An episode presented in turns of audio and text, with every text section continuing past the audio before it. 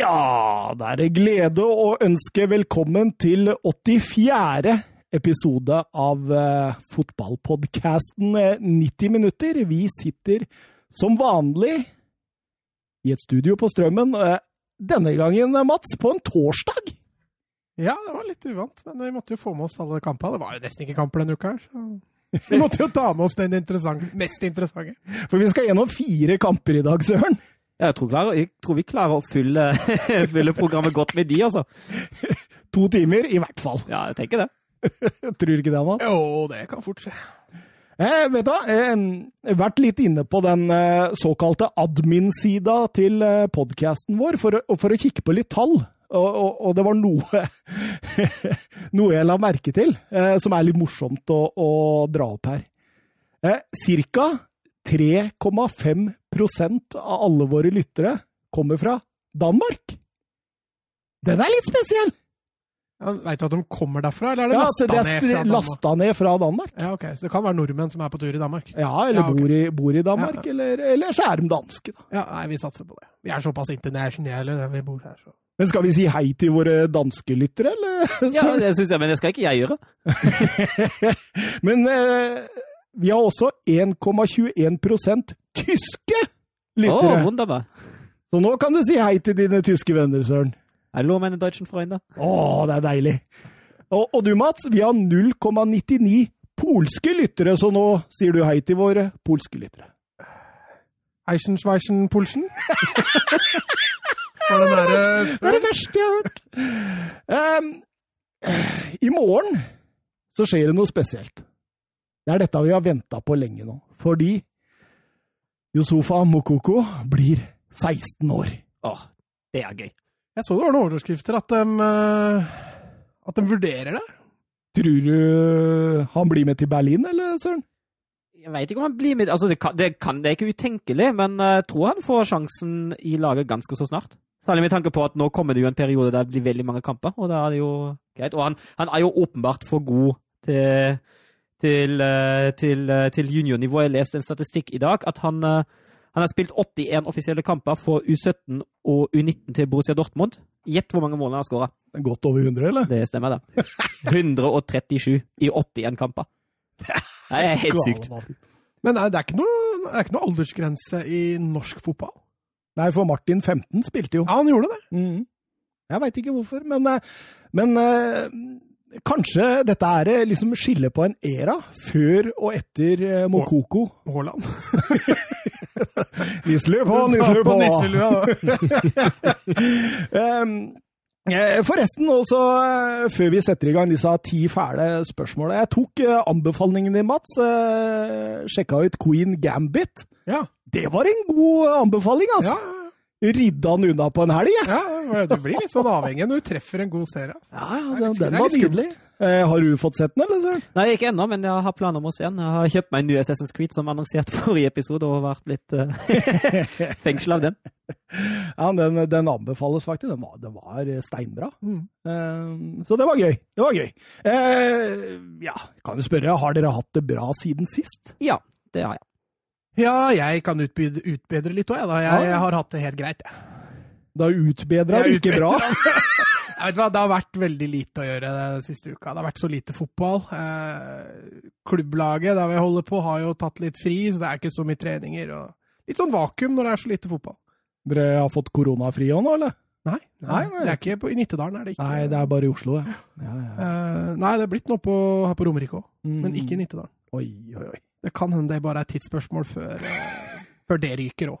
Det er bare deilig å bli ferdig med denne landslagspausen. Hadde noen samtaler med klubben jeg om hvordan vi skulle gjøre det, for vi er, jo, eh, vi er jo spillere fra tre forskjellige skoler og fikk en del bekymringsmelding fra foreldre da når dette tiltaket i Oslo eh, Kom. kom med. Mm.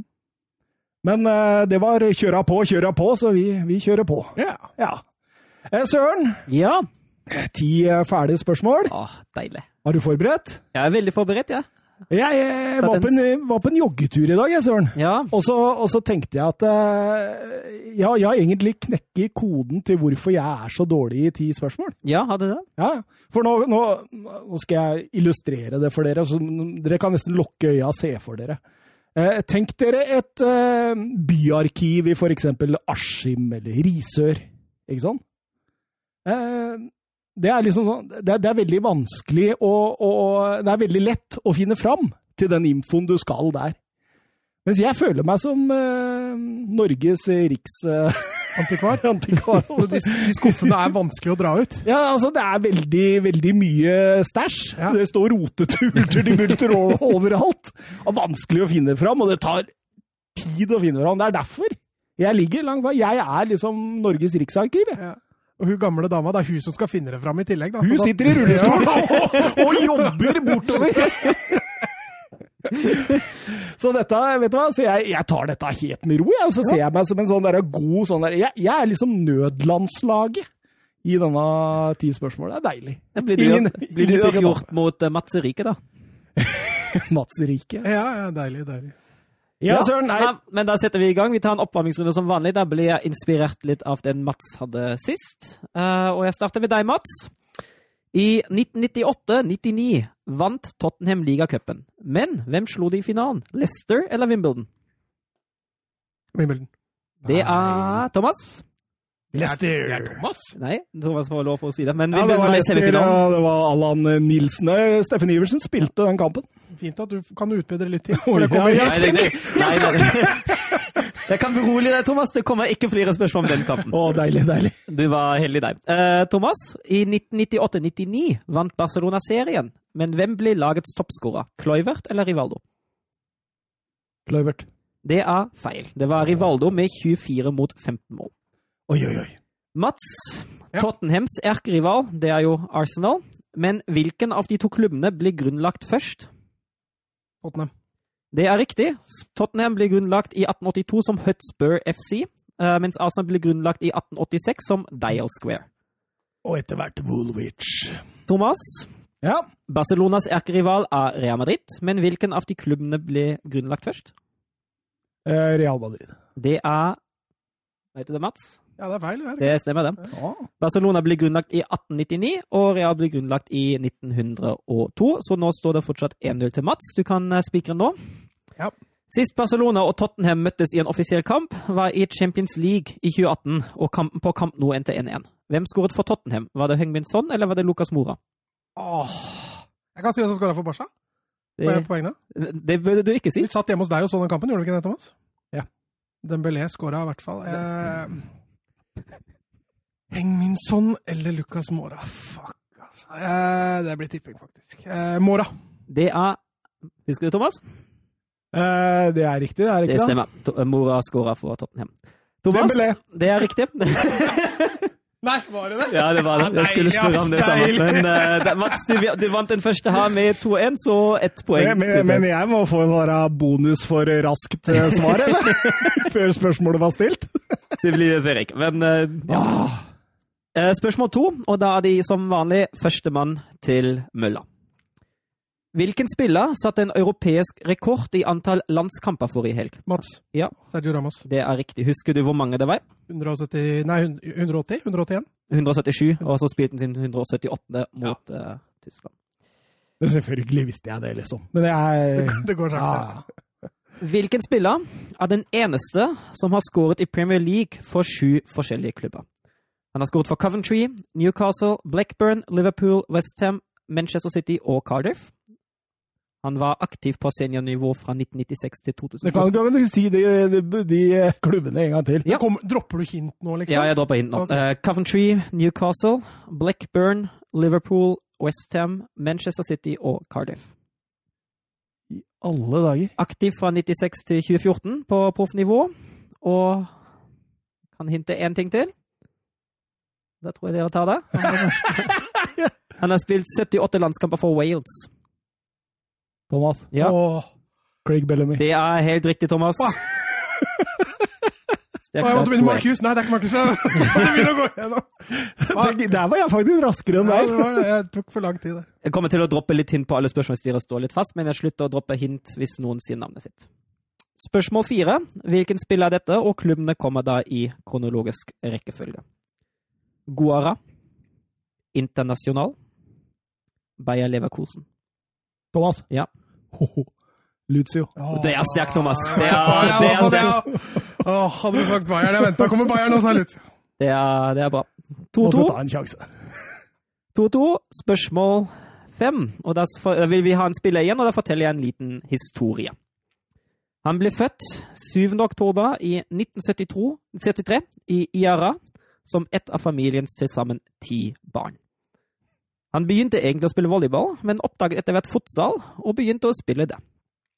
Han foretrakk faktisk å spille som keeper, selv om denne posisjonen ikke var særlig populær i hans hjemland, og selv om mørkhudede keepere ofte blir diskriminert. Mm. Etter hvert begynte han å spille organisert, og han startet karrieren for klubben Vitoria. Han ble snart hentet av Cruzeiro, og i Cruzeiro og i sin senere klubb Corinthians opparbeidet han seg et rykte til å være en spesialist til å redde straffespark. Thomas. Ja. De, da? Det er godt jobba, Thomas. Det er helt riktig. Jeg var tydelig på de da, jeg, ass. Nei, nå er jeg går det trakt. Nå tør jeg ikke å gamble her. Nå er det skjerpe meg, 3-2, Ta, ta gambling, sånn skikkelig gambling. og vi er halvveis. Før han stiller spørsmålet nå, Mats. Litt. Ja, nå er det en sånn fin delespørsmål igjen. Uh, Nations League gruppespillet. Det er over for denne gangen. Og vi har fått 14 gruppevinnere i sine grupper fra nivå A til nivå D. Og nå skal dere Nå skal dere etter, altså bytte på og si de 14, og den som har feil, den har tapt poenget her. Ja, greit, Mats. Ja, Fulgt med, altså. Spania. det er riktig. Jeg har liksom ikke fulgt med på, på liksom eh, Men Belgia, da. Det er riktig. Østerrike. Det er riktig. det, var, det var greia. Italia. Det er riktig. Færøyene. Det er riktig. Ja, for du er der òg, ja! Mm. Eh, eh, la, la, la, la. Um, Nederland. Det er feil. Nederland. Gibraltar. Ja, det stemmer. det, Og du er, du, er, du er såpass, ja! ja det, det er Det fortjent, imponerende, Det er fortjent. Da utligner du, og det er 3-3. Det Den var vittig, Søren. Den likte jeg. Takk for de siste fire spørsmålene. Vi går til, eh, til Premier League. Manchester og Liverpool er lagene med flest seriegull i England. Men hvilken klubb ligger på tredjeplassen? Mats. Ja, Arsenal. det stemmer. Husker du hvor mange? Ti? Nei. Ah, så er det den der speedy her. Ja, du har vært kjapp i dag, da. Ja. Spørsmål åtte. Hvilken klubb er så langt den eneste som har byttet trener i løpet av denne sesongen i La Liga? Thomas. Ja, Jeg bare sa, Ja, jeg bare sa det, men men det er, jo, det er jo Rudi Garcia, det er jo Celta Vigo. det er helt riktig, Thomas. 4-4 her på de siste to spørsmålene. jeg inn og si navnet mitt. Rudi Garcia. Nei, eh, Oscar. Oscar Garcia. Ja, ja, Rudi. Garcia er en, spi, spi, en spiller på Atletico. Nei, på Bilbao. Er det ikke det? Nei. Rudi Garcia. Det er en trener. Nei, det er treneren til Det er jo treneren i Lyon, det. Åh, nå surrer det voldsomt her. Spørsmål 9. På 2000-tallet har elleve nordmenn spilt i Serie A. Men hvilken av disse elleve har flest kamper i Serie A? Oi. Han har hele 99, Siden 2000. altså siden på 2000-tallet, ja. Så det er 20 år. Han har 99 siden år 2000. Han har vært aktiv i Serie A fra 2008 til 2011. Mats. Thomas. Oi. Ja, Mats? Stå mellom to stykker. Åh, jeg gambler på Jon Arne Riise. Og det er riktig, Mats. Var den jeg hadde òg. Jeg tenkte Jon Carew eller Jon Arne Riise. Ja. Da leder du 5-4 før det siste spørsmålet, og jeg har faktisk spørsmål til å skille opp. Da skal vi ut etter en klubb, litt sånn samme prinsipp som hvilken spiller er dette. Jeg vil vite hvilken klubb er dette her. Da klubben ble grunnlagt, het den Vestfalia, og klubbfarbene var rødt og gult. Først i 1924 fikk klubben sitt nåværende navn, og fikk blått og hvitt som klubbfarger som den har fram til denne dagen. Klubben er oppkalt etter en bydel i byen den hører til. Kallenavnet er De Knappen. Klubben har vunnet hele sju tyske seriegull. Ja, Schalke. Thomas. Det er riktig. Det er 5-5, og Det det er er, sterkt, ass. Gul det og er svart. Det er sterkt. gul altså. og blå. Jeg hengte meg helt opp i den. Jeg tenkte, fader er det er gul og blå? Den forandra til hvit og blå, han. Nei! Han sa hvit og blå. Ja, han sa hvit og blå. Han sa blå og hvit. Den forandra til gul og blå! Nei, de starta på gult og rødt, og så forvandla de til Nei, gult. Nei, nei, nei. nei. Jeg sa blått og hvitt. Da legger jeg i protest. Jeg sa blått og hvitt, du kan gjøre etterpå. Blått og gult, sa du. Nei. Jo! Sverige! Ja, for jeg tenkte Sverige først. Nei, vi skal ha et skillespørsmål. Sa du aldri blått og gult? Nei, jeg sa rødt og gult, og så sa jeg blått og hvitt. Ja. Ja, det er greit. Ja, okay. greit. Og da skal jeg vite, og da skal dere skrive ned svarene deres, Oi. tenker jeg. Da vil jeg vite hvor mange mål har Bayern München skåret i Bundesliga-historien? Å, herregud. I, fra 1990, holdt jeg på å si. Nei, de, de, de rykka opp i 1965. Så, Så fra da. 65 til i dag. til i dag. Hvor mange mål har Bayern skåret i sin historie i Bundesliga? Hvor lang tid har vi på oss? Oi, oi, oi. Og du er, du er på kalkulat... Er det lov, eller? Nei, det er ikke lov. Det er lov å skrive ned. Jeg var på kalkulat. Ingen hjelpemidler tillatt. Skriv ned et svar. Da må jeg gå på notater, da. Bra. Når rykka de opp, sa du? Eh, 1965. 1965, så det er jo da Det er jo da 35, 45, 55 år siden, er det det? Ja, det stemmer, det. Ja. Det er 55 år siden? Ja. 56, da. Ja, da er de Ja, OK. Da får vi bare tippe, da, på et eller annet sånt Det er jo Jein tipping! Ja, det, det, det, det skal jo avgjøre en vinner her. Det, det, det treffer nok ikke på riktig tall, tror jeg. Da blir jeg imponert i så fall. Ja, ja. Jeg har ikke kjær. Mats sier 567. Oi, Thomas sier 4000. har jeg tenkt helt feil? 202. Det riktige tallet er 4142. Det er jeg som har tenkt feil! 502 pass! Og Thomas vinner da ti spørsmål. Jeg bomma på null. Jeg glemte null. Jeg vant, søren! Og du vinner en dime. Gratulerer. oi, oi, oi, takk. Tenk, jeg vant underdogen, nødlandslaget. Ja, deilig. Men der tenkte du feil, Der altså. tenkte jeg skikkelig feil. Jeg skjønner hvorfor du dro fram kalkulatoren. Å, herregud. Jeg tenkte, jeg tenkte jo 70, tenkte jeg. Å nei, det blir 70 ganger 10. Ja, det blir mm, mm, kjempebra. Det er sterkt. Flere mattespørsmål, så. Flere matte. Vi kjører intro, og så setter vi i gang programmet.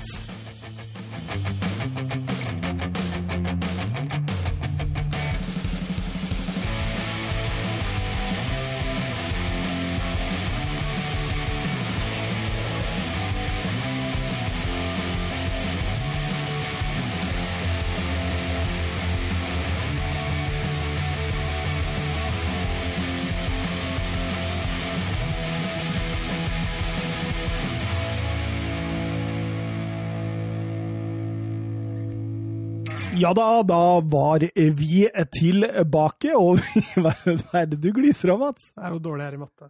Det er helt spinnvilt. Jeg Det er jo egentlig litt flaut at det der kom på lufta, faktisk. men jeg tror ikke du er dårlig, du tenkte bare jeg feil. tenkte feil, men det skal Ja. ikke gå an å tenke feil. Nei da, nei. Nei, men Det det må, er et veldig enkelt gangestykke. det, det må jo sies at Thomas var vel inna, var 60 mål unna, så det var Ja, selv om jeg hadde putta på null, så hadde jeg jo driti meg ut. Du, du, eh, du skulle ha altså 60 mål unna på en 55 år. Det, det er ganske bra tippa. Det er godt jobba. Det det. Eh, Vi skal, eh, vi skal jo ta eh, Nations League, og vi valgte oss fire kamper vi skal gå gjennom. Den første er da Portugal mot Frankrike. Den skal vi gå litt sånn lettbeint over. og ah, Det var jo en gruppefinale, dette her. Jeg følte meg egentlig trygg på at Portugal skulle ta dette fra starten. av. Det sa du til meg også, Mats, at du gjorde, men eh, Ja, jeg var såpass trygg at jeg satte, satte penger på Portugals seier. Men Ja. eh, det, det var ikke så lurt. Nei, det var ikke så lurt, fordi det var egentlig Frankrike som Jeg vil jeg påstå at det var egentlig det klart beste laget ganske lenge. Eh, Portugal sleit veldig i etablert. Eh, de fikk lov å ha ballen en del, men det var et godt stykke unna Frankrikes mål. Frankrike lå veldig, veldig godt. Og de farligste stikka på mål, det var det Frankrike som sto for, altså. Martial kunne hatt hat trick. Han burde i hvert fall hatt ett, ja. Det er ingen tvil om. Eh, og syns jo Ngolo Kanté er jo drivkrafta på midten der, da. Jeg syns til og med Pogba så ut som en annen spiller. Ja, Rabiot var bra nå. De hadde en solid midtbane, i Frankrike. Både Pogba, Rabiot og, og Kanté dominerte egentlig ganske stort. Eh, Den offensive trioen var det ble Litt ah, usynlig, litt fordi Portugal hadde mye ball, men, eh, men jeg syns eh, altså Martial burde jo selvfølgelig hatt scoring. Koman blir veldig ut på kanten. Ut på kanten. Eh, og, Mar og Griezmann føler jeg havner litt mye, for mye mellomrom til at Frankrike hadde ikke så mye ball. Men, men tror du, altså fordi det som overraska meg, da, at når du har to så gode offensive backer som Cancelo og Guerreiro, eh, hvorfor du ikke da åpenbart liksom på en måte involverer dem mer i, i, i angrepsspillet, da. Men, men Tror du det var en, på en måte en eh, litt sånn respekt for løperekka til Frankrike? eller At de var, At det var så lavt, liksom? Ja. Ja, men Portugal hadde jo sjelden etablert spill på Frankrikes banehalvdel. Ja. Og det vil da si at da, da har jo ikke så gode muligheter til å flytte opp bekkene. Når det er sagt, så syns jeg både Bernardo Silva og Joao Felix var ganske frie. Mm. Så det var jo rom for bekkene til Portugal. Ja, ja. Om det var en liten sånn undertone der om at vi må være litt forsiktige, det kan, det kan godt hende. altså.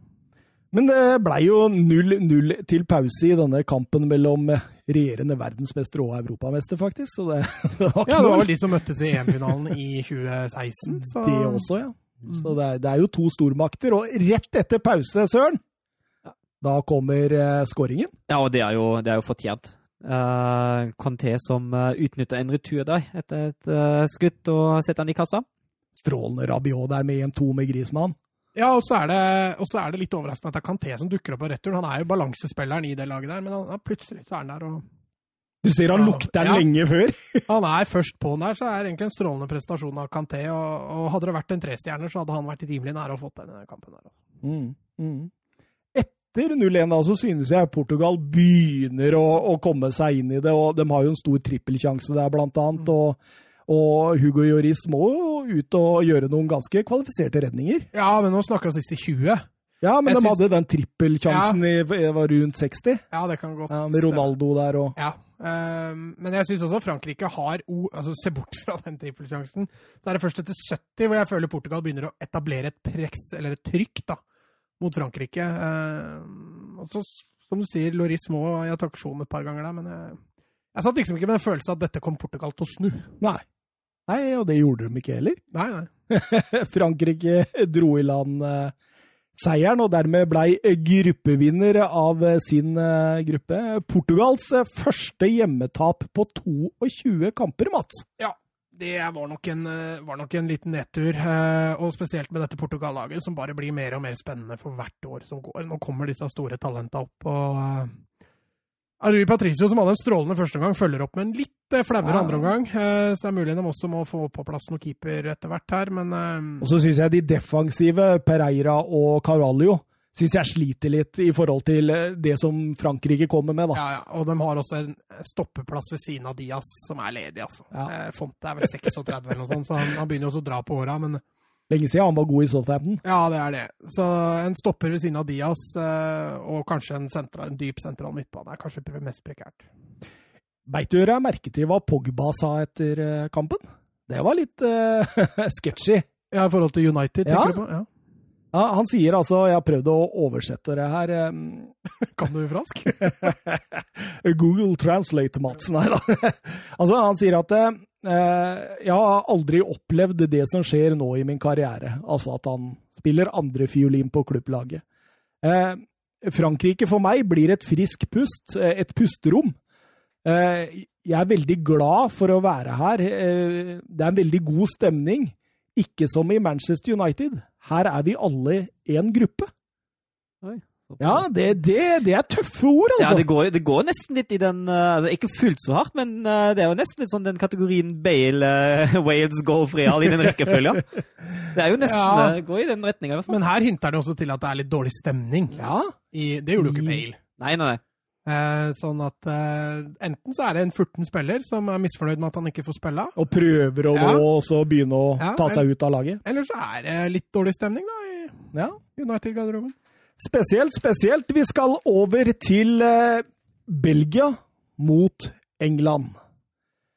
Eh, to lag i eh, 3-4-3, eller 3-4-2-1 om du vil, eh, som møtte hverandre der. og eh, ja, Det var rett og slett nummer én mot nummer fire på Fifa-rankingen, så det var ikke uten grunn at vi, vi tok med oss denne matchen også. og eh, Starta jo med et bang med Tilemanns. Ja, jeg synes generelt det starta ganske frisk. Eh, Begge to var ganske offensive, begge pressa, pressa ganske høyt, og det ble en underholdende kamp egentlig fra start. Og så kom Ja, jeg kosa meg. Ja, jeg kosa meg veldig. Jeg syns den, var- den var gull. Og så, som du sier, Tilemanns uh, langskudd går vel uh, via Mings uh, i stolpen. eh, nest, holder seg nesten på streken og ruller til slutt til Han, går vel via tre stykker, Ja, det sånn, ja. Tilemanns der. Han har, han har litt tur at den sniker seg inn stolpen Ja. der. Men uh, nydelig av Fertongen, da, som bryter det oppspillet der fra Dyer. Og serverer etterpå. Ja, så det, det, er, det er strålende. Ballen raskt til Lukaku der, som feilvender og, og ut igjen. Det er Mm. nydelig nydelig gjort, eh, selv om de har markidene på sin side. Og rett etter der, Søren, så får England et par gigantiske sjanser. Ja, særlig den eh, der Lukaku redder på streken. Den, Den altså, så Kane inne. den, så, ja, den, den så, Jeg tror den så flere inne, men uh, Lukaku sterk der. Uh, jeg syns han han hadde jo ikke sin, eh, sin beste kamp. Jeg syns han, eh, han er sterk i en situasjon. Jeg syns også han er sterk, eh, i hvert fall i startfasen, og blir brukt som oppspillspunkt for Belgia. Da, da er han viktig. Beist. Han er jo god feil, vet du. Ja, beist. Ja. Så du det målet han hadde i går, eller? Ja. Han bare stanger den inn på første stolpe der. Ja, må, ja, var det ikke det? Ja, Danmark Han stanger den inn på første stolpe. Det, det er så kraft! Mm. Det er helt vilt, altså. Um, men jeg, jeg, Og så skårer jo egentlig Dries Mertens 2-0 der. Altså Grealish har hatt en sjanse der også. Er det frispark? Det, Eh, For Det meg er jo ikke ser- frispark. Ser jo ikke ut som han er der. nei, nei, han er jo på ball, Declan Rice der. Ja, og så kommer det, kom det som, som du sier, i en fase England er klart best. Belgia syns jeg blir veldig passiv og veldig baktunge i den perioden der. Uh, klarer ikke å flytte laget opp i det hele tatt. Uh, og så er det bredt mot spillets gang også. Jeg tenkte på det, Søren, sjøl her, at jeg, vet- jeg syns Belgia virka nesten litt sånn OK, jobben er gjort. Nå legger vi oss bak, og så bare får England styre dette her. Og så eh, ja, forgriper jeg gangen i det, da, men eh, et intervju med Roberto Martinez etter kampen, eh, hvor han sier det at de forsøkte å lære av det som skjedde på Wembley, for der tok også Belgia ledelsen, og så snudde England til 2-1 og vant kampen.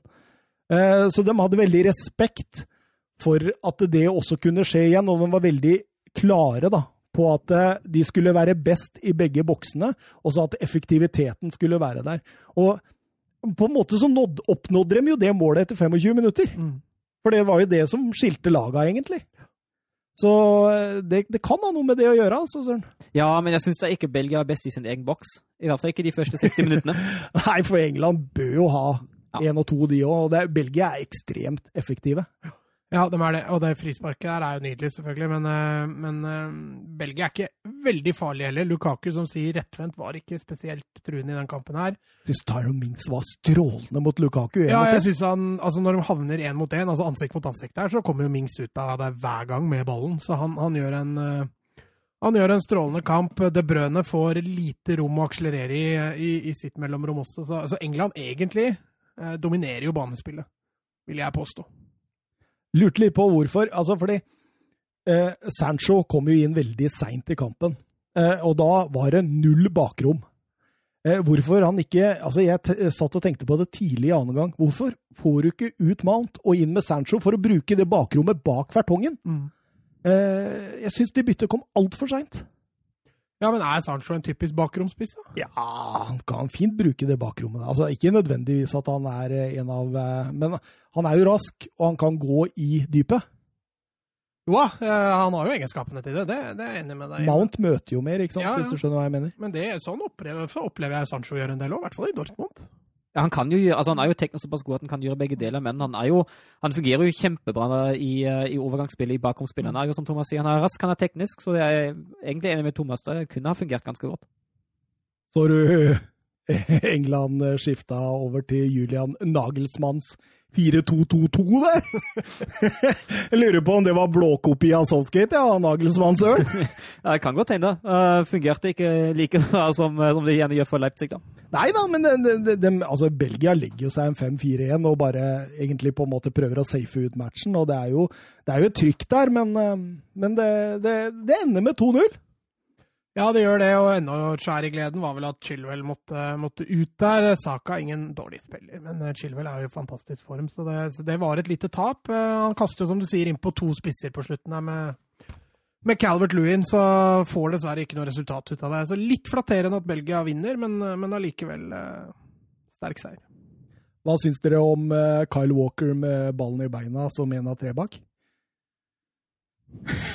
Nei, altså, han er jo ingen eh, Altså, de har jo et luksusproblem på den høyrebekken, og så i tillegg spiller de uten høyrebekk. eh, og Kyle Walker Hvis England har veldig god tid og veldig mye plass, så kan Walker være en OK pasningsspiller bak der, men, men så fort de skal være litt kreative og sånne ting, så, så faller jo Walker litt igjennom.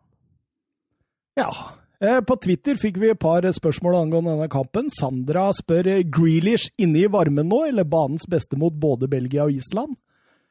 Eh, det bekrefta vel Softgate etter kampen. Sa det at eh, Grealish har kommet for å bli. Ja, han, er, han er strålende. Uh, han rista seg litt i de nykkene, nybegynnernykkene, og nå, nå, er han jo med og tar tak i det. Han har finesser, han gjør litt sånn som han gjør i Villa. Så det blir veldig spennende å følge han videre på landslaget. Og eh, Vebjørn Fredheim han sier plukke ut deres eh, engelske førsteelver, en elver hvor alle er disponible. Synes Saltgate har mange rare uttak, Pickford og Walker på stopper osv. Og den oppgaven den tar jo jeg selvfølgelig seriøst. Men, men, akkurat det er jeg helt enig i, i forhold til uh, elverne Southgate stiller. Mm. Jeg blir litt sånn overraska noen ganger over spillere som ikke er med, formasjoner han velger. Jeg har vært inne på det før, han har starta med tre høyrebekker. ja. Det er liksom, jeg har også stussa litt, på, stussa litt på uttakene til Southgate. Altså. Men så har han jo stort sett vunnet, da. Ja, du kan liksom ikke sitte og være sur da, men uh... men, han, men, men, spørsmålet er hadde han vunnet med Norge, hvis du skjønner. Altså, han har jo et brukbart mannskap å ta. Mm. Så gode spillere de, de drar veldig ofte i land i hvert fall mot Island og, og Gibraltar. Jo, men den ble, jo nummer, den ble nummer tre da, i gruppa si. Ja, men det var jevnt. Det var jevnt. Det var ganske, altså det var fem poeng opp til Belgia, da. Så det var litt opp. Men ja, eh, det var A-poeng med Danmark, vel. Og så var det veldig langt ned til Island, for de havna vel på null poeng. Og 14 minusmål, ja, var ikke det? De, eh, de rykka ned med god margin. Møter Norge i neste Kan fortsette. Ja, kan fortsette. Eh, denne England-førsteelveren, da. Altså, altså jeg måtte jo sette meg ned og se på dette, og da så jeg at eh, egentlig så passer jo dette laget best til en 4-3-3, syns jeg. Mm. Eh, litt på grunn av eh, mangelen på gode stoppere, og litt på grunn av at jeg syns det er noen indreløpere der som har, altså, har fått den der treeren på midten med, med Declan Rice og et par indreløpere på hver sin side der, så kunne jo fort laget sett enda sterkere ut. Men han, han, han skal ha dette 3-4-3, han uh, Southgate. Altså, så da må vi jo gå ut fra det, tenker jeg. Ja. Eh, og som keepere, da, så syns jeg jo han Han velger jo de tre beste keepera hver eneste gang i troppen. Mm. Eh, han velger jo Nick Pope, Dean Henderson og Jordan Pickford. Søren, hvem syns du er beste valget her? Jeg syns du leste opp med riktig rekkefølge der. Nick Pope, Dean Henderson og Jordan Pickford. Jeg syns det, det, er sånn jeg arrangerer dem, i hvert fall. Så jeg hadde, jeg hadde brukt pop. Du bruker pop du òg, eller? Altså Litt mer erfaring da, enn Henderson. Jeg må jo si Det Henderson leverte i fjor for Sheffield United, var, var veldig lovende. Men nå sitter han jo stort sett på benken, så, så, Pope blir vel kanskje det naturlige valget. Ja. En uh, Aaron Ramsdale der, uh, som kan komme til å gi dem litt kamp om kanskje et par år, når han får stått lenge nok for Sheffield United, eller? Ja, kanskje. Det er ikke noe sånn at keeperplassen i England er en klar, klar ener, sånn som Nei. du har i flere andre land. Så, så, her er det mulighet for unge gutter til å, til å være med og kjempe. Og så kommer denne treeren bak, da. Jeg Ja, jeg, jeg satt Må du innom han i United, eller? Jeg må jo det. må Da er det tynt her, altså. Da er det tynt. Ah, nå skal Thomas sette opp en elver med Harry Maguire inne. Helt frivillig, jo. ja, det er ingen som har ja, men altså, Jeg har jo aldri sagt at han er dårlig. Jeg har aldri sagt at han ikke har gjort, gjort United bedre. Men for den prisen og det han har levert, så syns jeg det er for dårlig. Det er det jeg mener, men at han er en av de tre beste engelske stoppera, det syns jeg er ganske klart. Du er ganske kjapp på å sende videoer hver gang Maguire driter seg Spesielt i oppspillfasen og sånn. Det syns jeg er veldig gøy, fordi han har jo ofte blitt eh, altså, hylla for det hva han gjør med, i oppspillfasen og det å, å bryte gjennom pressledd og sånn. Men eh, det ser veldig klønete ut noen ganger.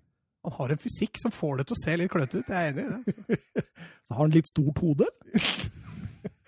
Mulig. Jeg har ikke sett under forstørrelse. Ikke, ikke, at det har noe å si, altså, men uh, uh, Mine tre er i hvert fall Erik Dyer, Harry Maguire og Tyron Mings. Jeg syns de tre, hvis du skal kjøre en tre bak der, er det beste. Hvis du tar Dyer i midten, der, så rimer det. Uh, Harry Maguire, Dyer, Mings? Nei, hvis du tar Mings i midten, sorry.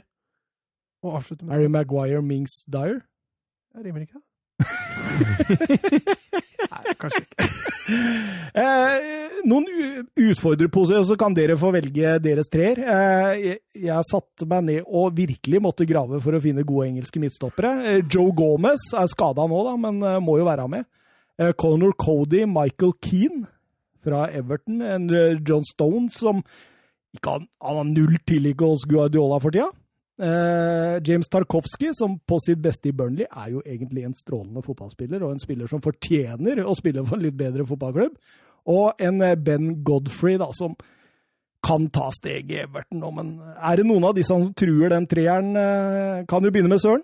Ja, jeg, det er litt sånn vanskelig, altså, som, som du har vært inne på før. eh, Med det materialet der syns jeg nesten det er bedre å spille med en uh, firebeckslinje istedenfor en trebeckslinje, særlig når vi også ser hva som er tilgjengelig på backplassen etter hvert. Uh, jeg ser egentlig ingen som Kanskje Tarkovskij, som, uh, som på sikt kommer nærmest her, syns jeg. Uh, men jeg ser egentlig ingen som virkelig truer den formasjonen der, de tre.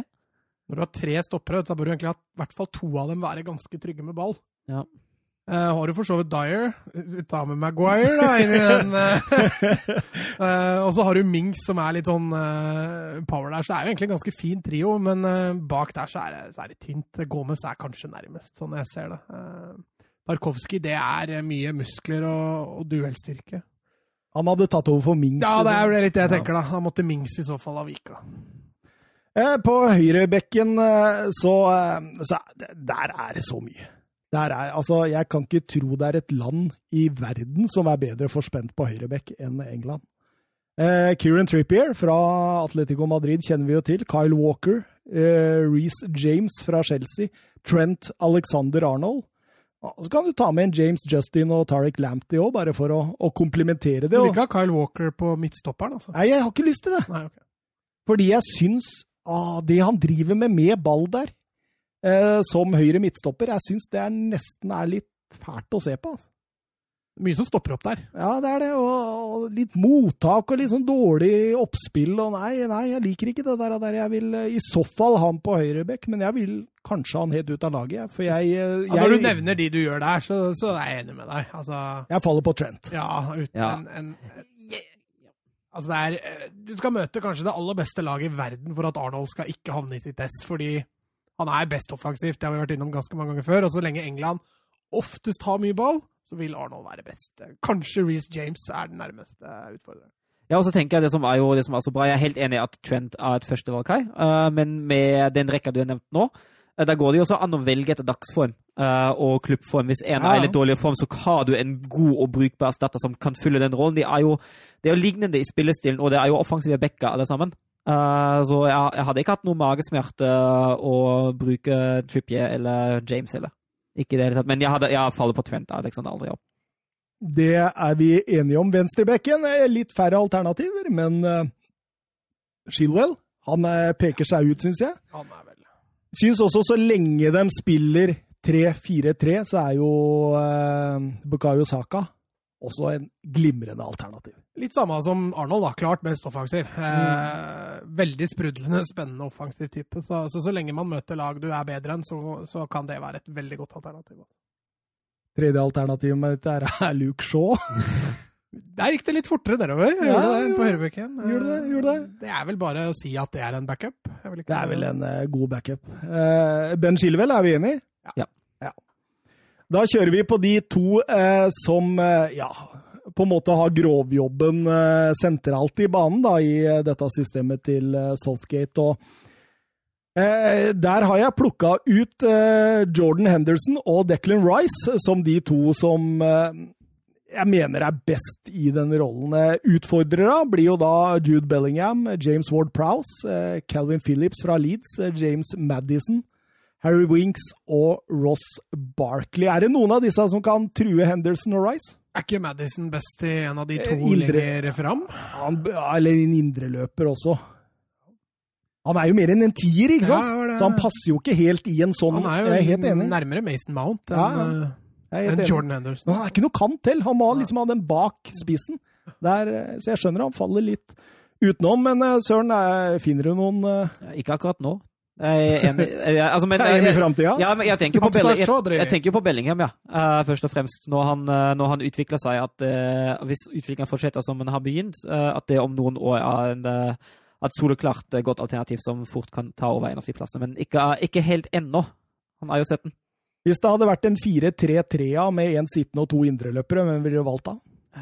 Jeg tror jeg fortsatt hadde landa på Declan Rice og Henderson, ja, altså på indreløperen. Så tror jeg kanskje Phil Foden, eller? Foden eller James Madison da, på sitt beste. Jeg har Mm. valgt Foden akkurat nå. Men eh, sånn det står her nå i en 3-4-3, så velger vi da Henderson og Rice. Mm. Eh, på eh, høyre kant så finner vi Jaden Sancho, Phil Foden, eh, Mason Mount og Mason Greenwood som de nærmeste, på en måte. Hva, hva tenker vi her, da? Nei, altså, det er jo Av de som du nevner, er det jo Jaden Sancho, uh, tenker jeg. Phil Foden er jo egentlig ikke en høyrekant. Han en, eh, han er jo med en indre løper, litt sunn og ikke kunne bruke ham. Jeg liker spillertypen veldig godt, egentlig. Uh, men i den formen Sancho har vært i det siste nå, hadde jeg faktisk akkurat nå uh, flytta Stirling over og spilt uh, Grealish og Stirling som kanter. Ja. Men eh, Ja, det er jeg for så vidt enig med deg, men eh, sånn all over, så så er det over Sancho. er det Sancho, akkurat- ja, det Ja. Sancho, ja.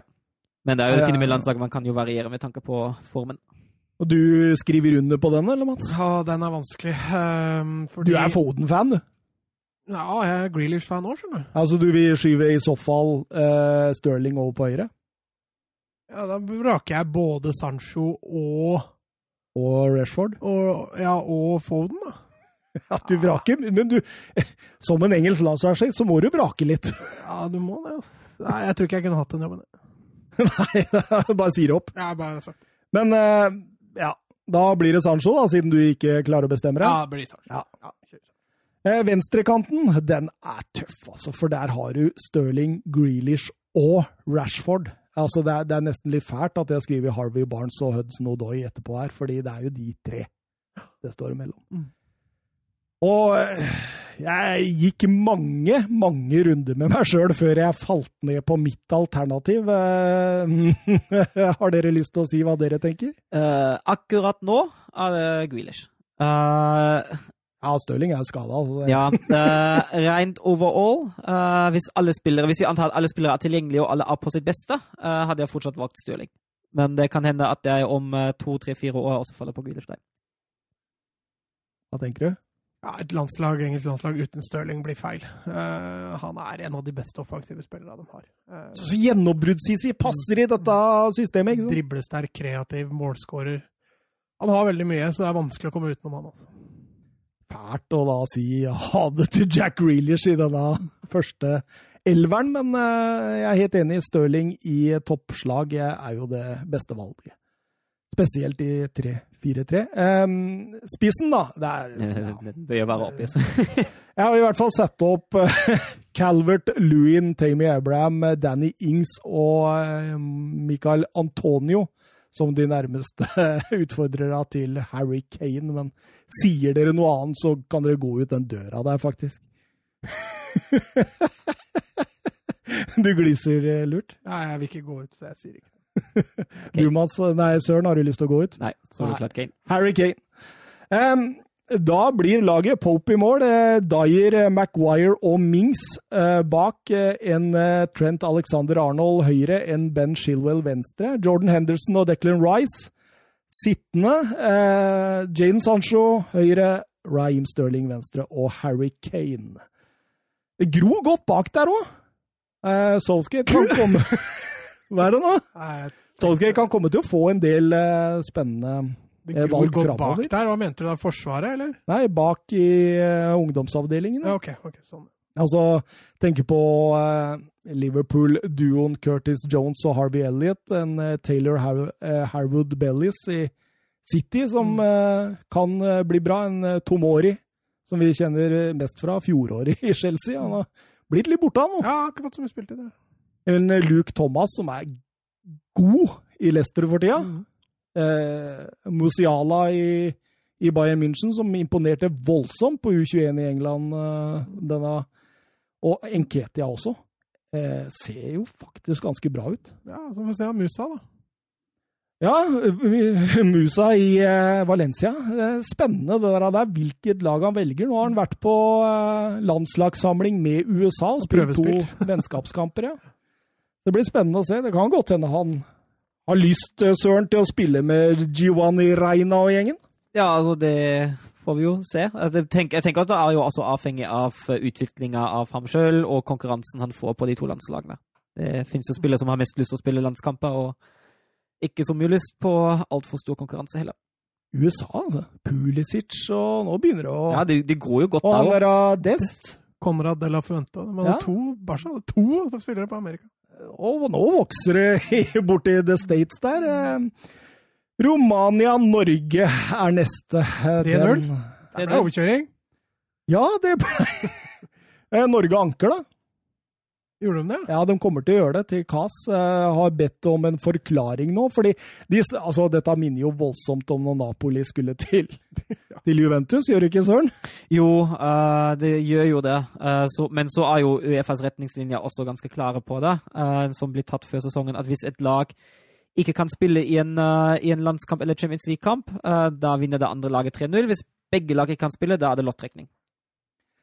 Problemet var jo det. Eh, Jeg, veit ikke hvor inngående vi skal ta dette, fordi jeg tror alle våre lyttere har fått med seg hvorfor og hva og sånt. Men, men vi kan jo eh, felle en dom på det som skjedde, tenker jeg. Fordi hvordan i alle dager kan Norge være så arrogante at vi sier at eh, 54 andre land gjør feil? Vi gjør rett. Mm. Eh, Søren? Ja, altså, det, det er jo Jeg, jeg syns det, det er litt dårlig. Altså, når du ser altså, Haaland kom hjem til Dortmund etter hvert, eh, og da tok uh, Dortmunds helsemyndigheter tok jo eh, en utspørring av ham. eh, Og konkluderte da med han har ikke vært en nær kontakt til Omar El Abdelawi, så han er good. Og da skjønner jeg hvorfor, hvorfor klarer ikke norske helsemyndigheter å finne ut av det samme. Eh, Det skyldes jo de norske karantenereglene som er så rigide. Det er ingen andre land som setter et helt fotballag i karantene eh, heller, når det er en smittet spiller som er på det laget. Det er mye mer testing som skjer i alle de andre land. Det har vært smittetilfeller i flere, i flere lag i Bundesliga, i Premier League, i La Liga, i Serie A.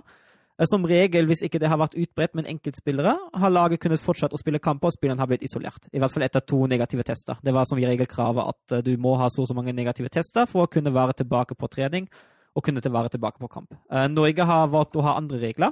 Men altså, det som jeg egentlig reagerer mest på uh, NFF hadde planer om å booke et charterfly til Mm. Romania. At spillerne skulle reise som en gruppe, separert fra alle andre. Og Romania har sagt OK til innreise. Det er også en viktig brikke her hvis Romania Ja, har sagt nei. Ja. Hadde vært noe helt annet her òg.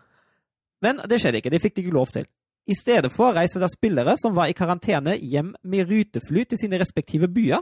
Ikke Haaland. Han, eh, Jo, han leide men- et privatfly. Jo, men de, altså de, de fleste reiste jo hjem med, med rutefly, og jeg, jeg skjønner ikke hvordan, hvorfor, hvordan det skal være smittevernsfaglig, eh, altså smittevernsteknisk mer forsvarlig. Det er jo galskap. Det er galskap. Det er det, altså. Ja. Og, og, og, det, det som jeg også tenker på, det jeg stusser mest over, det er jo det at, eh, som du var inne på, da, Søren, at eh, de skal jo ut Ja. av landet. De blir ikke Norge sitt problem, fordi når de skal ut av landet til et annet land som sier vær så god, her kan dere komme inn, fordi dere, dere bryter ikke noen regler hos oss. Og etter kampen er ferdig, så skal de til et nytt land. Mm. Og etter den kampen er ferdig, så skal de til Tyskland og Nederland og Norge. Og, altså, og når de, de som kommer til Norge, de kan jo gå i karantene da. Mm. ja, de, altså- de skulle ikke være med engang. Eh, NFF har jo sagt de norske spillerne bare bli. Det går helt greit. De, de som spiller i Norge, da. Ja, jeg, jeg, jeg er orker ikke, altså. Jeg orker ikke. Det er så slitsomt å mene noe, fordi mener du at det her er riktig, så hater du fotball. Ja, Mener du det er feil, Så blir du valgt sist i gymmen. ja, så, Ja, ja, altså, så, så, så Ja, vil du ha korona, liksom? Han Leif Welhaven har fått kjørt seg litt. ja, men altså, jeg syns jo den, den kommentaren han fikk eh, Du mener bare det fordi du blir valgt sist i gymmen. Altså, det er jo ikke innafor. Det hele blir jo Det usaklig. Ja.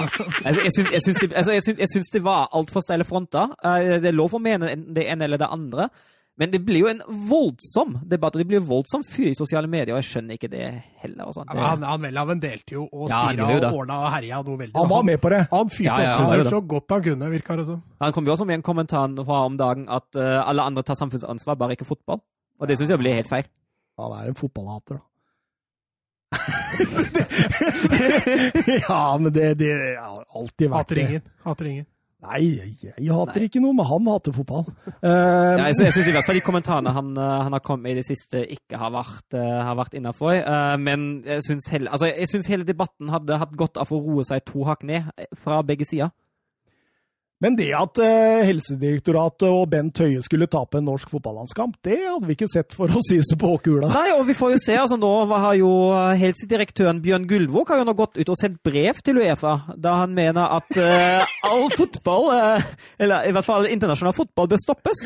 Uh, og det, det, det stusser jo jeg litt på, det må jeg jo innrømme. at Det, det syns jeg er rart. At en norsk helsedirektør Ah. kommer inn og Altså, jeg, altså, jeg kan eh, De har jo altså deres første plikt av å tenke på Norge. Greit nok. Men at en kamp spilles mellom jeg, England og Frankrike i London, det har ikke norsk helsedirektør direktør noe som helst med. Bare det at han mener det, sier jo ganske mye om han som person, syns jeg da. Fordi da tror du du har en makt og en posisjon som du overhodet ikke har i Europa. Ja, det, det blir liksom litt sånn Ja, Han mener det ikke ah, bare, han kom jo med et brev òg. Det er ikke bare hans mening, han har jo kunngjort nå Ja, det har han vel. til offisielle instanser. Jeg, jeg blir litt matt, jeg, Mats. Ja, ja, ja. Blir litt sjakk. Ja, jeg, jeg skjønner ikke altså, Kan vi ikke konsentrere oss om I hvert fall, altså Nå har vi hindra en fotball Nå har vi, altså, nå har Norges helsedirektorat og alt dette rundt her De har hindra Norge i å vinne Nations League-gruppa si. Kan, kan ikke det være nok, da?! Potensielt, i hvert fall. Kan, kan de ikke klappe hverandre på skuldra og si 'bra jobba'? Men det er, det er sånn det som jeg har vært frustrert på hele sommeren nå, for det er akkurat sånn jeg føler meg som breddefotballspiller. Det er akkurat den følelsen jeg sitter med, som jeg satt med igjen på lørdag, da jeg ble oppgitt på landslagets vegne. Akkurat den samme følelsen fikk jeg som breddefotballspiller hele sommeren. Men Man kan jo klappe seg litt på skuldra, for det er så mye oppmerksomhet og blest rundt landslaget. Det er lenge siden det har vært, og det var nesten en million som var innom og titta på nødlandslaget vårt på Og voldsomt Ja, vi eh, fikk det, så det, De har gjort en kjempejobb med å løfte norsk landslagsfotball litt fram i oppmerksomhetens lys. altså. Folk fra Tyskland og England og overalt drev og tvitra om det norske landslaget underveis mot Østerrike. Det, det, det. Og så godta de seg etterpå, da, når Ukraina sin kamp ble avlyst. Se her, se her. Ja, men det var jo situasjonen også en helt annen. De hadde jo fem smittetilfeller før Tyskland, og så tre til. Eh, og da er det jo godt tegn på at det faktisk har spredt seg litt i laget, og det er jo greit. Og så kan jeg også godt være enig i de som er kritisk til, eh, til landskamper generelt nå i den perioden. Fordi det er jo, du bryter jo opp en kohort og setter de sammen i en helt ny kohort. Jeg syns i hvert fall disse vennskapskampene Ja, det er Sånn helt det, den unødvendig. de skulle ha mot Israel, Ja. det, det, det kan de la være Ja, i disse er tider. helt enig. Eh, Men vi skal videre til en hovedkamp. Vi skal til storoppgjøret mellom Spania og Tyskland. Dette var eh, storoppgjør i gruppe A, pulje 1 i Nations League. Eh, Vinneren eh, vant gruppa. Eh, Tyskland vant med uavgjort, så eh, Søren, det var det. Jeg tror kanskje det var et av, et av problemene, men vi kommer tilbake til det. Eh, Spania kom fra 1-1 mot Sveits. Der var det Moreno som eh, redda poeng helt eh, mot slutten. Sergio Ramos bomma faktisk på to straffespark i den Ja, kampen. det, Det, det skjer ikke ofte. Og den andre straffa han tok der, det er noe av det flaueste jeg har sett av en eh, straffe ever. altså. Jan Sommer han- Ja, han lå lenge og venta på den ballen kom. Den brukte lang tid på å komme fra. Men blei det et sånn psykologisk spill, den andre? Ja, det, og der feila Ramos de luxe. Mens Tyskland vant jo enkelt 3-1 mot Ukraina, hvor Timo Werner skårte to og Sané ett søren. Stemmer det. Men eh, ja, det var fortsatt svakheter defensivt i den kampen òg. Ja. Eh, Lagene har møtt hverandre 24 ganger siden første møte 12. mai 1935. Tyskland eh, ni seire, Spania åtte, og det har blitt sju avgjort, så dette er jevnt. Dette Det er jevnt, men Spania har gjerne hatt i hvert fall i det siste, et overtak i de store turneringer. Jeg husker både VM eh, 2010 og EM 2008 ganske eh, smertelig. Apuyol stanga Ja. Spania til finale. Og Torres eh, i finalen. Ja. Eh, noe ved lagoppstillingene dere la merke til? Eh, Ja, vi kan jo, kan jo si på Tyskland at Ginter spiller høyre back. Eh, er ikke det litt rart? Ja, han, altså, han, er jo en, han er jo en ganske fleksibel spiller, men uh, jeg stusser litt på det, jeg òg. Jeg syns det var rart at han brukte Ginter og ikke Henrik, som satt på benken. Han har jo Altså, han er jo ute uh, Han har jo ikke mulighet å bruke, å bruke Halstenberg om dagen. Uh, Klostermann, unnskyld, Halstenberg av venstrebekken. Han har ikke mulighet å bruke Klostermann av skada ut, ut 2020, men å sette en midtstopper uh, mot Dani Olmo og Gaia Jeg syns det var Det var ja, ikke det riktige valget. Altså, Syle og Ginter hører så veldig mye bedre ut Ja. enn Koch og, Gin og, og Syle. Mm.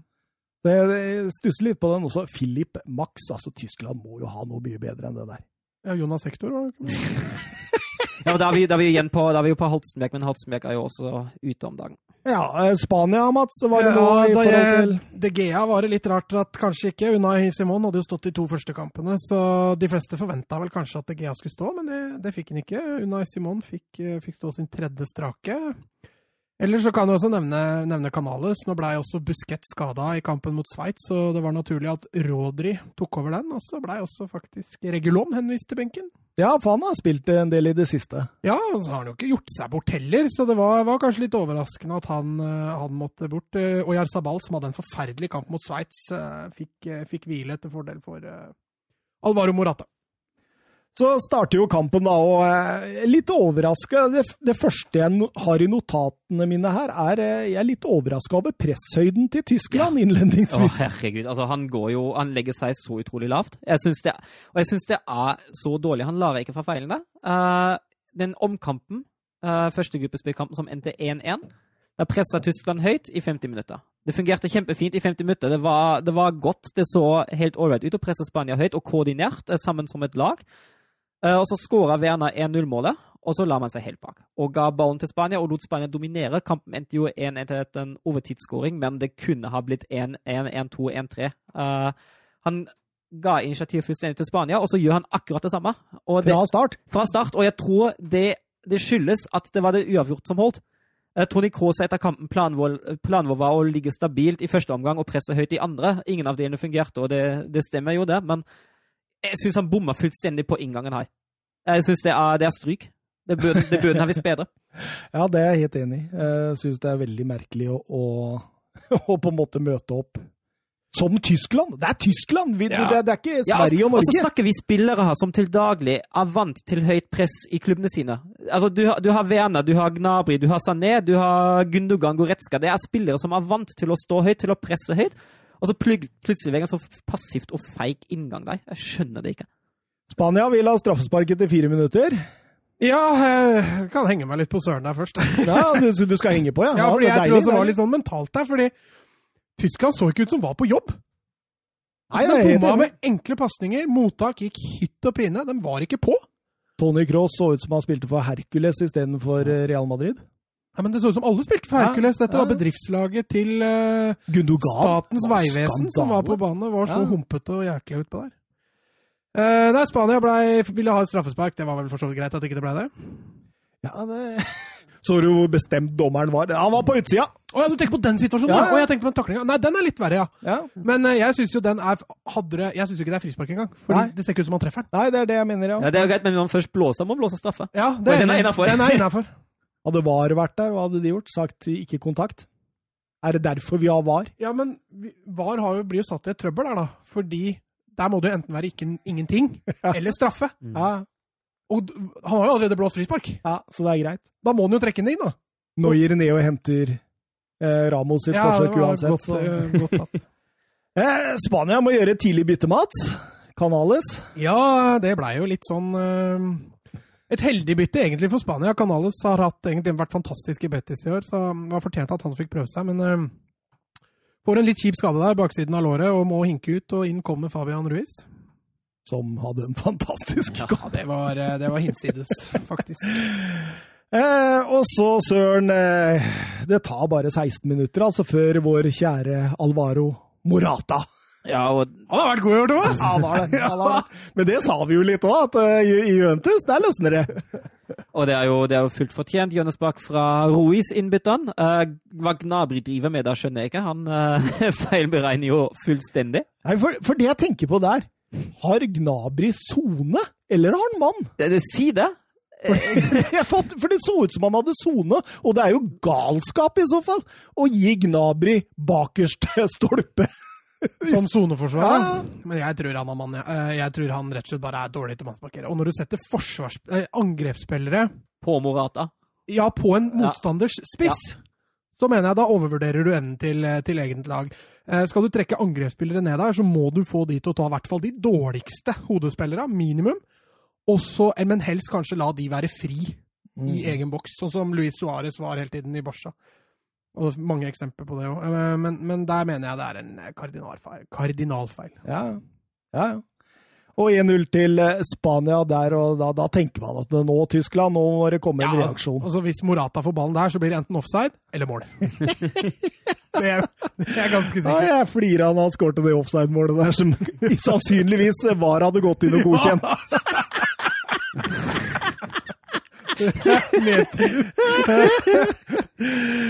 men, eh, men, eh, nå hadde jo Spania begynt å finne ut at dette rommet bak eh, Philip Max, ja, det kan vi utnytte. Og, og, og det, det syns jeg er også fascinerende, fordi du velger en så defensiv inngang til kampen. Og så er det fortsatt massevis av rom bak venstrebekken. Altså, det, det, skal jo ikke gå an. Jeg syns også avstanden, eh, avstanden fra, fra, Koch og ut til, til Max der er ganske stor. Ja, med tanke på at de ligger så lavt, som du sier. da. Altså, når du først får ballen inn bak Max, ofte ganske langt baki nå Den blir en løpsduell, men Koch er jo ikke i nærheten. Nei. Han er ikke, Sikringsjobben der er jo helt borte. Ja, ja. Og det jeg tenker på, hvor, hvor gode egentlig altså, måten altså Som du sa, da, at uh, det er jo nesten ikke bakrom, for de ligger lavt, men likevel så finner de bakrom bak der hele tida. Måten Spania på en måte spiller på seg det presset, for å så spille seg ut av det presset igjen, det er, det er jo rett og slett fotball på aller, aller øverste nivå. Ja, altså med tanke på motstanderen de gjør det mot òg. Jeg skal sies at Tyskland var veldig av, men også fascinerende å se hvor bevisste de var på å spille på rommet foran Ginter, men rommet bak Max. Ja, hvor ja. fort de justerte det. Ja, veldig fascinerende. Ja, og, Tyskland sliter jo, får jo ikke involvert Goretzka og Kroos i det hele tatt. Nei, og det, det, det er det neste jeg reagerer på. Uh, når de få overgangsmulighetene Tyskland har, de eneste som der fremme, er jo de tre spissene. Laget følger ikke etter. Av og til er det Max som kommer litt på løp, men så stort sett er de tre offensive som må rette på det helt alene. I oppbygging med ballen slås det langt i bakrom. Det er det eneste, det er den eneste planen som det ser ut som man har. Vinner ballen, slår den i bakrom, håper på at en av de tre kjappe der framme finner ut av et eller annet. Uh, og det samme gjelder da overganger. Og det er så dårlig. Det er, ja, det er stryk. Det er ikke noe annet. Og når Ferran Torres setter 2-0, så kunne det faktisk vært hat tricket hans. Ja, han hadde et par andre feite der. Eh, og så er det jo litt sånn eh, Altså, når Spania først skaper en stor sjanse der i etablert angrep, så kommer det et innlegg hvor Olmo blir tillatt å heade. Det er kanskje Spanias, en av Spanias dårligste hodespillere. Men akkurat deg, på det tidspunktet, er, snakker vi 32-33 minutter? Ja, stemmer, stemmer. Det, det, det burde ha blitt tatt grep før. Og det, ja, ja. det, skjer jo ingenting fra benken. Null og niks. Ja, for det, det, jeg tenker på, at de sleit veldig Altså, Gundogan skulle jo distribuere dette, ikke sant? Mm. Men, men de var stadig til undertall sentralt i banen. Men det mangla jo den murbrekkeren òg, på ja. midten. Den ville jo hjulpet en del, i hvert fall i forhold til det rommet som var foran stoppera. Hvem er murbrekker i Tyskland, eh, Søren? Akkurat nå er det ved Mahmoud Dahoud. Og den gode latteren har ikke mye tro på altså, vi, vi, vi, tar det som at Tyskland har ikke murbrekker. Nei, kommer ikke på Hvis, hvis jeg ikke har glemt noen nå, altså. Uh, Nei, Nei, Der tror jeg faktisk man hadde tjent på å bytte plass eh, Gundogan og Kroos. Altså. Ja, du tror det? Jeg tror Kroos altså, hadde vært Ja, fordi distribueringa, liksom? Ja. Kimmich er jo egentlig en, en, en, eh, en viktig sentral midtbanespiller, men er jo, han er jo ute med skade. Uh, hva han vil med Dahoud i landslaget, det skjønner jeg ikke i det hele tatt. Så, men hva med, hva med, Ginter inn på stoppeplass og Koch opp som ja? Det, det, hadde jo fungert fi, mye finere, tenker jeg. Ja, uh, det hadde jo gått an. Du kunne dytta Ginter rett oppå? Ja, det går an, jo. Han kan jo spille defensivt. Mm, men det har blitt dårlig med Gundogan på høyrebekk, da. Så. Ja, men da kan du bytte. ja, ja, det er løv. Never mind. Men vi må jo hylle dette 2-0-målet, for her spiller jo Altså, det er lekestue. Det er det. De eh, spiller seg fram på venstrekanten foran Ginter, som vi prata om. Setter opp fine kombinasjoner på venstre, og så, så tar Olmo bare rennafart inn i boksen. Får et perfekt legg fra Kåke. Bare header den videre i tverrleggeren, og på returen så klinker Ferran Torres den. Uh, Noyer er sjanseløs. Og uh, ja, vi, skal ikke gå mer enn fire minutter før vi har 3-0. Ja, dødball igjen. Altså, Tyskland uh, dette bø, altså, Dødball Jo mer etablert forsvar enn det blir det jo faktisk ikke. Nei. Eh, der har du gjerne lang tid på å organisere. Du kan forberede det på forhånd. Du veit hvem du møter. Det skal gå an, dette. Og nå er det corner nummer to hvor Tyskland eh, misser totalt eh, i markeringene. Først på bakerste, nå på første. Minna ikke den avslutninga litt om Lewandowskis Ja, jeg tenkte akkurat det samme da jeg så den, faktisk. Det var, ja. det var liksom samme type. Sterk av Rodri. Det var nydelig heading av Rodri her. Ja, er det ikke på tide å børste litt støv nå av Hummels og Ja, det, det er det definitivt. Jeg kan, jeg Men kan... da må Jogi Løv ryke, eller?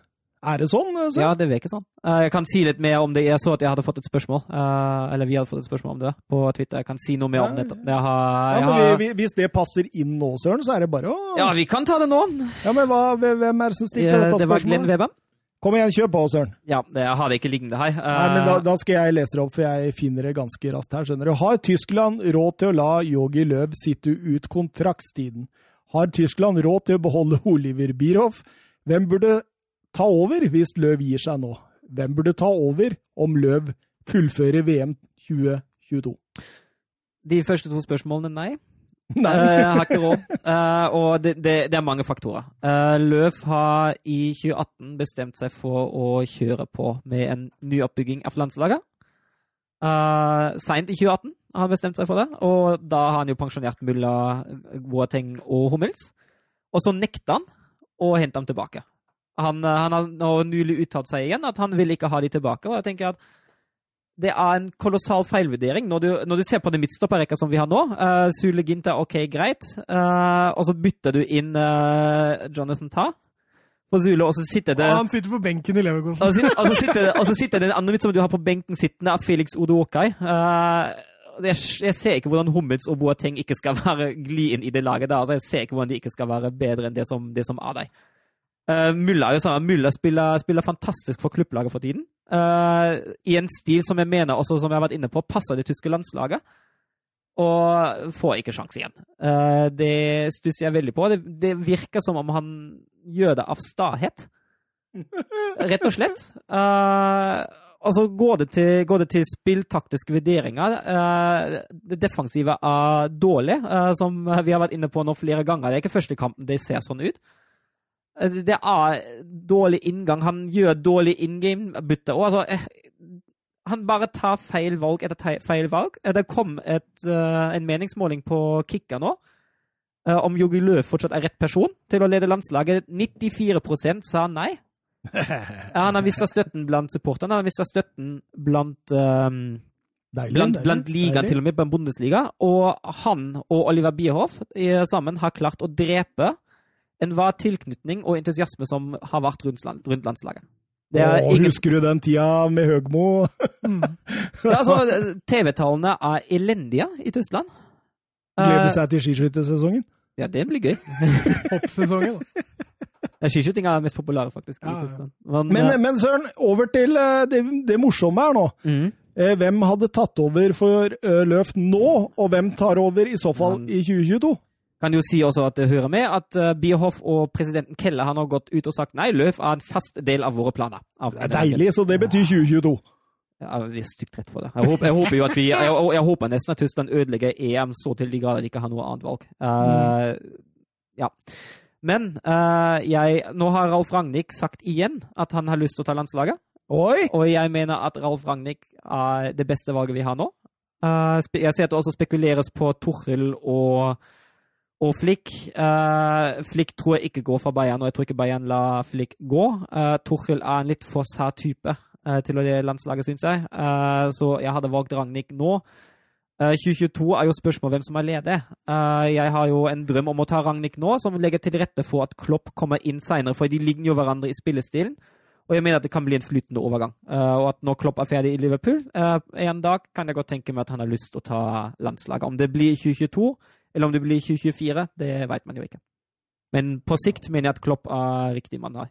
Jørgen Klopp, tyske landslaget. Det høres jo suksessfullt ut. Jo, men samtidig er, jo, er ikke han en litt trener da, som trenger litt tid? Ja, han Han, han, Liverpool Ja. var jo ikke seriemester året etter han tok over. Det var jo, men da tenker Det var femteplass, var det ikke det? Ja. Første året? Men derfor tenker jeg at hvis du har Ragnhild som allerede implementerer den spillestilen som Ja. Klopp ønsker på forhånd, uh, da blir det en mykere overgang, og da tror jeg Klopp fortere kan komme til resultater. ja, det kan godt hende. Og ja. Ja, ja, ja. Nei, du, du svarer godt for deg, Søren. Det skal du ha. Eh, Spania, da. Eh, veldig opptatt av å bruke Ferran Torres mot eh, Philip Max. Jeg, jeg syns synd på Philip Max. Altså, jeg, jeg har ikke sett en sånn ydmykelse siden Bjørneby. Husker du mot Mark Overmars? Ja, mot Nederland, ja. Det var i 95 eller noe sånt, var det ikke? Ja, jeg tror enda tidligere. Jeg- Det var jo til, til VM i USA, tror jeg. Ja, 93. Ja.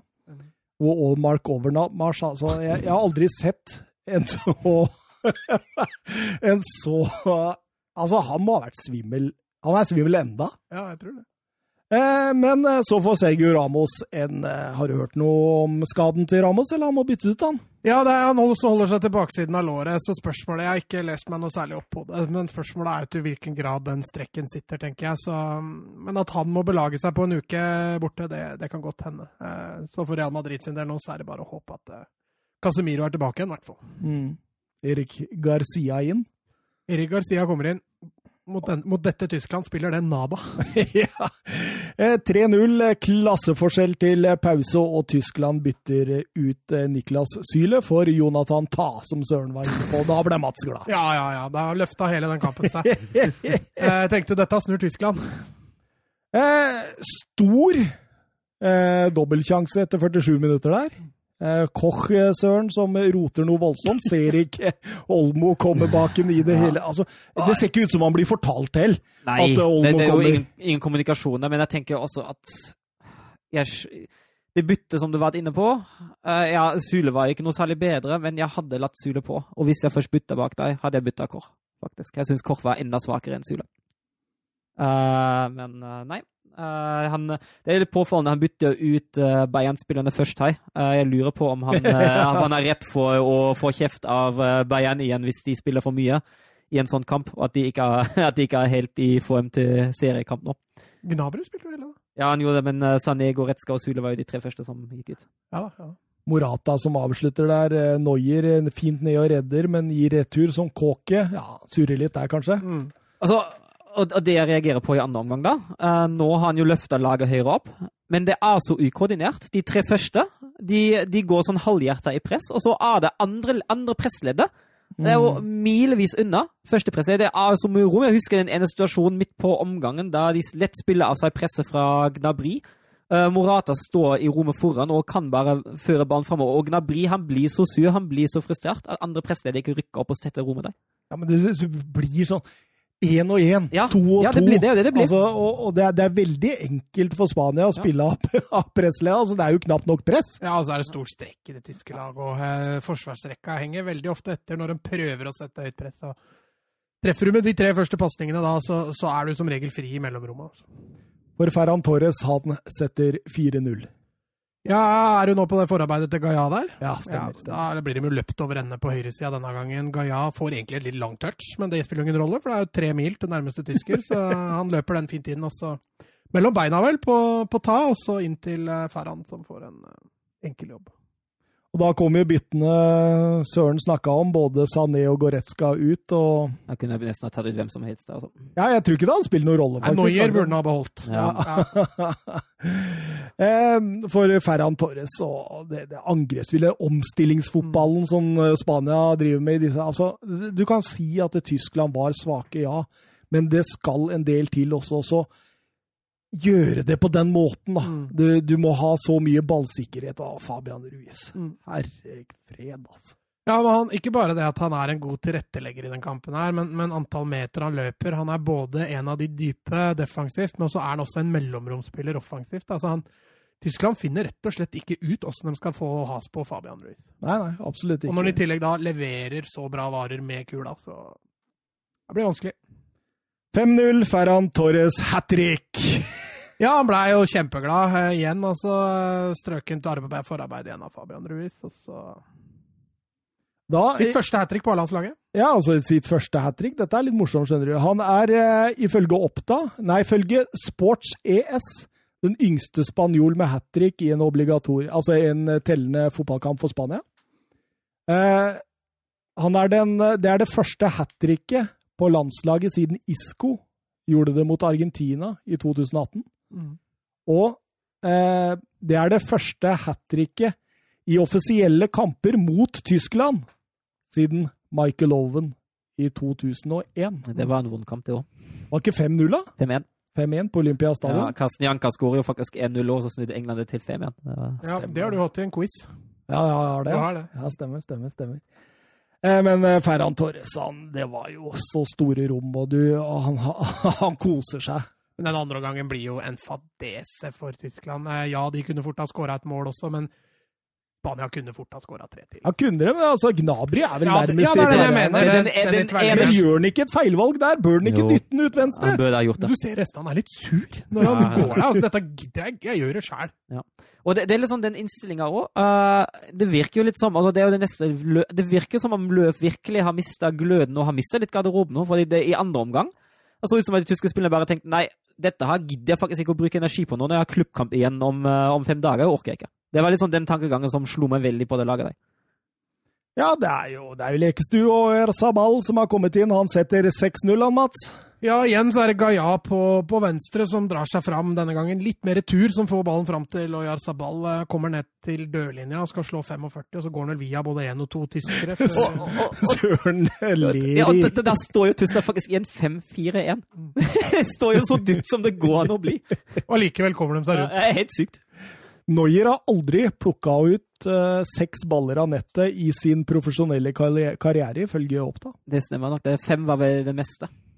Og det er 62 år siden Tyskland slapp inn seks mål i en tellende match. eh, Tapte da 3-8 mot Ungarn i 15, nei? Eh. Jo, det, det 3-6 mot Frankrike i VM ja, ja, 58. Så var det den 3-8 fire år tidligere. Ja, oi, oi, oi. Eh, Jogi Løv han er kun den tredje tyske landslagssjefen som har sluppet inn seks mål i en kamp. Veit du, Søren, hvem de to andre er? Eh, Otto Nertz Oh. og den andre er CP begge. Det er så sterkt! Og da, da, altså, da, til på. våre lyttere, da, så er Nertz han leda Tyskland fra 1923 til 1936.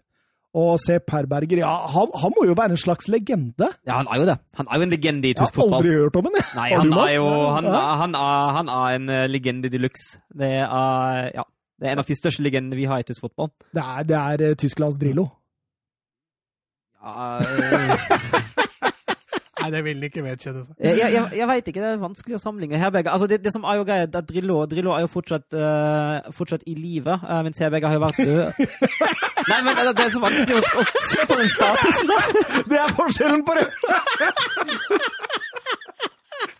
Drillo lever. Men uh, kan, jo, kan jo nevne at det var én kamp til Tyskland slapp inn, uh, slapp inn seks mål, og det var i 1909 mot England, men der fantes det jo ikke noe landslagstrener. Da var det jo egenorganisert. Resultattipset, der fikk eh, Søren ett poeng, for han var den eneste som tippa Spania-seier. eh, 2-1. Jeg var litt optimistisk der. Ja, jeg hadde 1-1 og Mats 2-2. Ja, jeg slåss jo for det 1-1-resultatet. Ja, du ville ha det, du. Det blir jo 1-1, sier du. Ja. Men lite visste jeg om at Tyskland var så avslått i den kampen her. Altså. Eh, banens beste poeng, Søren. Ja, det var jo Altså, her hadde jeg lyst til å gi både tre og fire trestjerner, egentlig. Eh, Spennende å se hvor mange tyskere du får inn på det. Elleve, nei. Eh, det, det, var, det var nesten bare å, å trille terning på, eh, på de tre beste. Uh, jeg fant tre som jeg mener er de beste, eh, men jeg gir tre til, til Hetrik, uh, Ferran Torres. Eh, jeg gir to til Fabian Ruiz, og jeg gir én til Rodri. Uh, jeg kunne også ha gitt til Kåke, jeg kunne ha gitt til, til Olmo, uh, og som sagt, egentlig kunne flere ha fått tre stjerner her. Morata og hva faen Ja, Morata var i god. kampen her. da. Og det er egentlig, det er egentlig litt fælt å måtte gi to og én til, til Ruiz og Rodri. Kunne like godt, ha- like så godt ha tredje òg. Mats? Ja, jeg har tre av da til Fabian. Eh, Jeg syns han eh, legger veldig til rette for Ferran Torres i den kampen her. Og for resten av dette Spania-laget her. Eh, Det er veldig blessing in the skies når eh, Canales må ut, for det gjør dominansen bare enda mer. Eh, Torres to stjerner, og Kåke én stjerne. Jeg syns han er fantastisk på midten. Oi, oi, oi, oi, oi. Jeg har tre til Ferran Torres. Hat trick, for all del. Sier ikke mer. To til Fabian Ruiz. Um, ja, Tre han- sist, sier ikke mer. Han, er- han er, ja, ikke sant? Han eier jo midten. Og så har jeg ett til altså Der sto jeg veldig mellom Gaia, Olmo og Pau Torres. Men det endte på Olmo. Synes altså han står bak mye. altså Veldig flink i det etablerte spillet. Eh, eh, vi har noen spørsmål der eh, fra Twitter. Jonathan Hobber skriver Fabian Ruiz. Det er spiller, eller? Glemte dere han når dere snakka om fremtidige Ballon d'Or-kandidater? vi gjorde kanskje det? Ja, vi nevnte han jo ikke, men jeg tror ikke det er noe Ballon d'Or uh, in the making for han, altså. Nei, det, han er ikke nok, Vet Nei, du altså det er litt sånn Xavi Niesta over det. Eh, han blir, Men var ikke Xavi Niesta ganske nære? jo, det blir nesten. Det var det Ja, neste ja. setningen min var at det blir nesten, men jeg tror ikke han vinner Ballon d'Or. Du Søren, er du enig? Ja, det er jeg. Det er hardt å vinne Ballon d'Or, altså. Ja, i hvert fall, i hvert Luka fall Modric greide det som 34-åring, så umulig er det jo ikke. Men det var sånn her av sympati. Ja, nå, er vi, nå er vi lei Messi og Ronaldo, så nå får noen andre få det. Ja, og det er jo, det er jo litt altså, altså er det jo veldig sjelden at en sånn spillertype som Luka Modric vinner den. Det er jo gjerne de mest spektakulære som får den. Det er det. det er det. Eh, Petter Støvland, du milde alpakka. Er Ferran Torres så god? Tenkte han var litt hypet, jeg, mest av prisen Valencia godtok for den. Men det, det tror jeg har mer med Valencia å gjøre enn med Ferran Torres. Det har ikke noe med prisen å gjøre. Enkelt og greit. Eh, ja, da Men- var vi gjennom den. Jeg har venta litt på Torres òg. Han har ikke vært så spektakulær i City. Nei, men han har fått en del tillit, da. Ja, han har fått mye tillit, Mm. men venter fortsatt litt på han i City. Gjør det, gjør det. Det blir spennende å se. Altså. Han er jo under gode vinger der. Guardiola som skrev ny treårskontrakt i dag. Ja. Jo, for all del. Og han er fortsatt ung, så det blir spennende. Vi skal over til gårsdagens kamp. Vi Østerrike mot Norge, og for en historie det blei til den kampen. Altså, her er det bare å raske med seg det som kan. Og, altså, det er jo en helt vill situasjon. Altså, når han der VG-reporteren driver og- skriver inn live utover kvelden hvem som har fått telefon, og hvem som har sagt ja, og hvem som har måttet si nei, og det er, det er jo helt voldsomt. Det var nesten så Twitter var med på. Han skrev jo også 'Hvem andre kan vi ringe?' Så Twitter var på en måte litt med på å ta ut det landslaget der. Det var ikke nødlandslaget, det var folkets landslag. det der. Det er helt det, Jeg har aldri sett noe i lignende. Det, ja, men, men altså, vi kunne vinne 2-1, så vant vi gruppa. Ja, eller 2-0. da. Ja, eller 2-0. For all del. Eh, Men jeg ville bare minimere. Ja, ja, ja. Lagene har møttes elleve ganger siden første møte 10.6.1934. Østerrike har sju seire, Norge tre og kun én uavgjort. Men det skal sies at det, Norge har kun ett tap de siste fire, så i nyere tid har Norge ganske bra kontroll på Østerrike. Det var jo det tapet på Ullevål. Eh, Mats Møller Dæhlie blei den spilleren med mest erfaring. Han hadde 23 landskamper fra før av. Resten av troppen til sammen hadde 15 landskamper. Og 12 av de hadde foreløpig ikke én eneste landskamp. Og tenker jo en god del av disse også eh, tenker jo at eh, dette blir min eneste landskamp. Jeg tror det var et par i troppen som tenkte at dette er min mulighet. Så når vi går over lagene, da, så er det jo Søren, så er det sånn Østerrike, ja, de stiller ganske sånn Arnatovic tilbake, de stiller bra. Ja, de gjør det for, for min del veldig hyggelig å se både Pava og Pevan og Xavaslaga, to Wolfsburg-gutter, i Ja. startoppstillinga. Og Norge, vi stiller så merkelig som vi noen gang har stilt. Altså, Per Christian Bråtveit. Ryerson, Gabrielsen, Hanke Olsen eller Baker Olsen. Så, Søren Baker Hansen. Baker Hansen var det. Når da er det folkets landslag, altså når Baker Hansen har tatt plass på stopperplass. Det er hysterisk, altså. Baker Hansen bak der.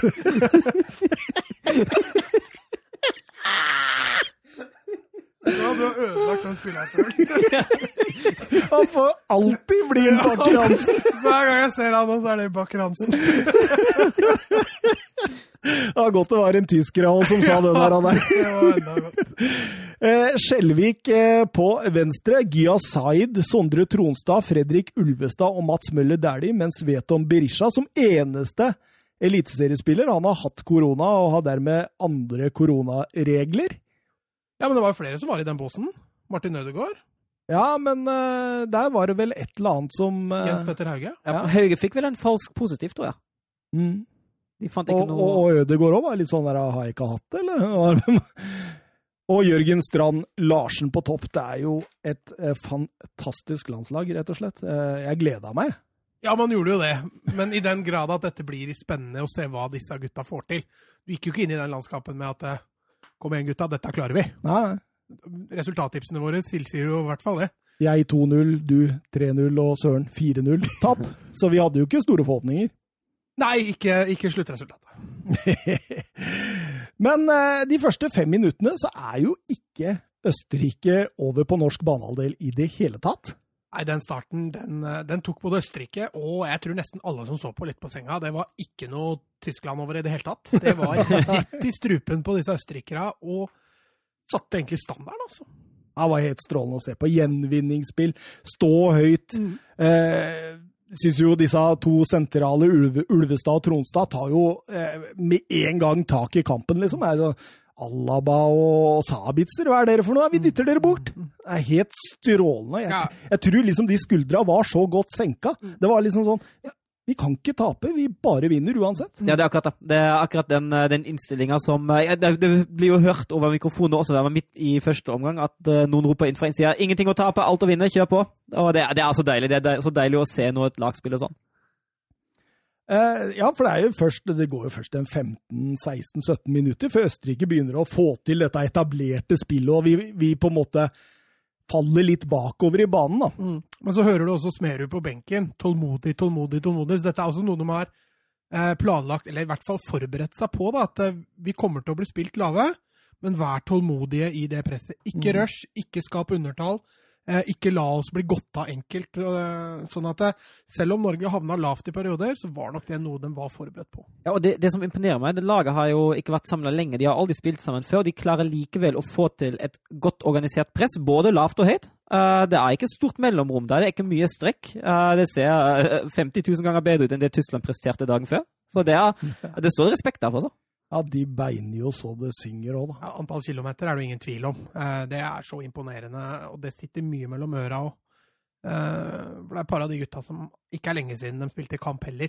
Så, Mm. så det, er, eh, det er imponerende. Da, korte avstander når vi ligger lavt, veldig kompakt, får ikke spilt seg gjennom midten, må bruke kantene, og, og Østerrike utnytta seg ikke noe særlig av dette her med kantspillet Liner, synes jeg, som egentlig er en god offensiv back. Jeg syns ikke han Nei, og Kommer hvis de også kom til innlegg, så var det jo altså Enten skøyt Arnatovic 72 meter over, eller så var stopperne våre der. Ja, og, det var jo Altså, boksen var jo nesten sperrsone for, for Østerrike. De fikk ikke komme komme seg på plass i boksen i første omgang i det hele tatt, nesten. Og det er godt jobba. Ja, strålende, strålende, og Alaba begynte å trekke innover i banen, Ja. og eh, Nei, dette så veldig bra Det ut. blei da. faktisk bare mer og mer desperat Østerrike i, i første omgang allerede. Ja, skaper nesten ingenting, Mm. og syns det er veldig, veldig bra. Vi står opp, og egentlig så kan du jo si at etter 32 minutter så er det Jørgen Strand Larsen som har kampens største sjanse. Ja. Eh, Tronstad der som gjenvinner og stikker Jørgen Strand Larsen igjennom. Eh, under veldig hardt press, da, så, og så setter han den utafor. Jo, men hadde han skutt litt tidligere Nå er vel eh, Strand Larsen høyrebeint, men, men hadde han skutt litt tidligere, så hadde han jo ikke vært skutt men under press. Men istedenfor så skal han ta med seg ballen litt til, havner under press. Så er det jo en god redning, da. Det Ja. må nevnes, altså. Mm. Sterkt av Pevan. Og da kan du si det at eh, denne perioden så er jo Norge overlegne. Ja, det, de er jo det. Og det begynner jo at, de nå, at presshøyden varierer såpass godt at nå står man etter høyt. Nå ser man muligheten til å vinne i en ballende høyt. Eh, og det skjer jo, skje- skjer jo over en lav sko nå i den, i den siste kvarteret i, eh, i første omgang. Da vinner Norge høyt, gjenvinner ballene høyt i banen og skaper flere muligheter på grunn av det. Ja, Jørgen Skjelvik sin sjanse der òg. Hadde det vært alle andre enn Jørgen Skjelvik, så kunne det fort stått 1-0. Ja, men jeg syns jo Skjelvik får et greit treff. Det er nok en god redning, eh, nok en god redning av, eh, av Pervan. Pervan, Og ja, du kan liksom ikke vente så mye bedre av venstrebekken din. Jeg er helt enig. Feil, man, det er riktig, feil mann til riktig tid. på en måte. Og eh, Berisha får en sjanse rett før pause der. Jeg blir litt for ubestemt der, dessverre. Ja, der tvilte han litt. Mm. Og skal jeg spille ut, eller skal jeg gå sjøl? Det, det, det, Men, jeg, altså, han, han får litt for dårlige løp inn i boks, for den blir fullt. Mm, Og når du ser det, så da har du ikke noe valg. Det er bare å gå sjøl. Altså. ja. Men eh, ja, han ble litt ubesluttsom. Og til eh, pause med 0-0, og Twitter var jo egentlig fra seg allerede av begeistring. Det kom jo Altså, det var ikke nødlandslaget, det var heltelandslaget, og dette Altså, folk lot jo seg begeistre, i motsetning til uh, tyskere gjorde det på lørdag. Ja, det hadde jo ikke noe med finspill å gjøre heller, egentlig. Det var mest med innsatsen det gikk på, følte jeg. At det var det som var så beundringsverdig. da, altså Antall kilometer løpt, antall dueller takla og etc., etc. Så var dette gutter som rett og slett kriga for tilværelsen. Altså. Og den eneste som så farlig ut i Østerrike, var jo egentlig Arnatovic. Det så jo ut som det Ja, Skulle, jeg- skulle målet komme, så kom, måtte det komme fra han, tenkte du? Ja, jeg, jeg, syns, jeg syns Østerrike er god i, den peri er gode i, den, i de periodene i kampen når David Alaba er god. Uh, ja, men det var ikke i første omgang, syns jeg. Det, det, var ikke det, men i andre omgang blir det veldig tydelig. Ja, jeg syns Alaba tar tak i andre ja. gang. Og han kommer mer sentralt òg. Mm. Ja, han gjør det.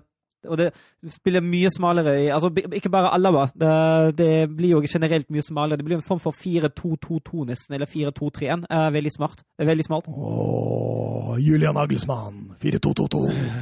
men, men eh, det er også når du spiller 4-4-2, da, så har du egentlig tre pressledd.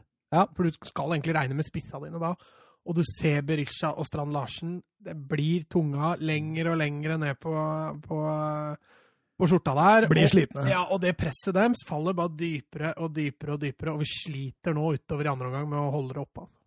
Arnatovic med stor sjanse. Det er nydelig overhopp av Alaba der, hvor ja, han Det er oversikt, eller?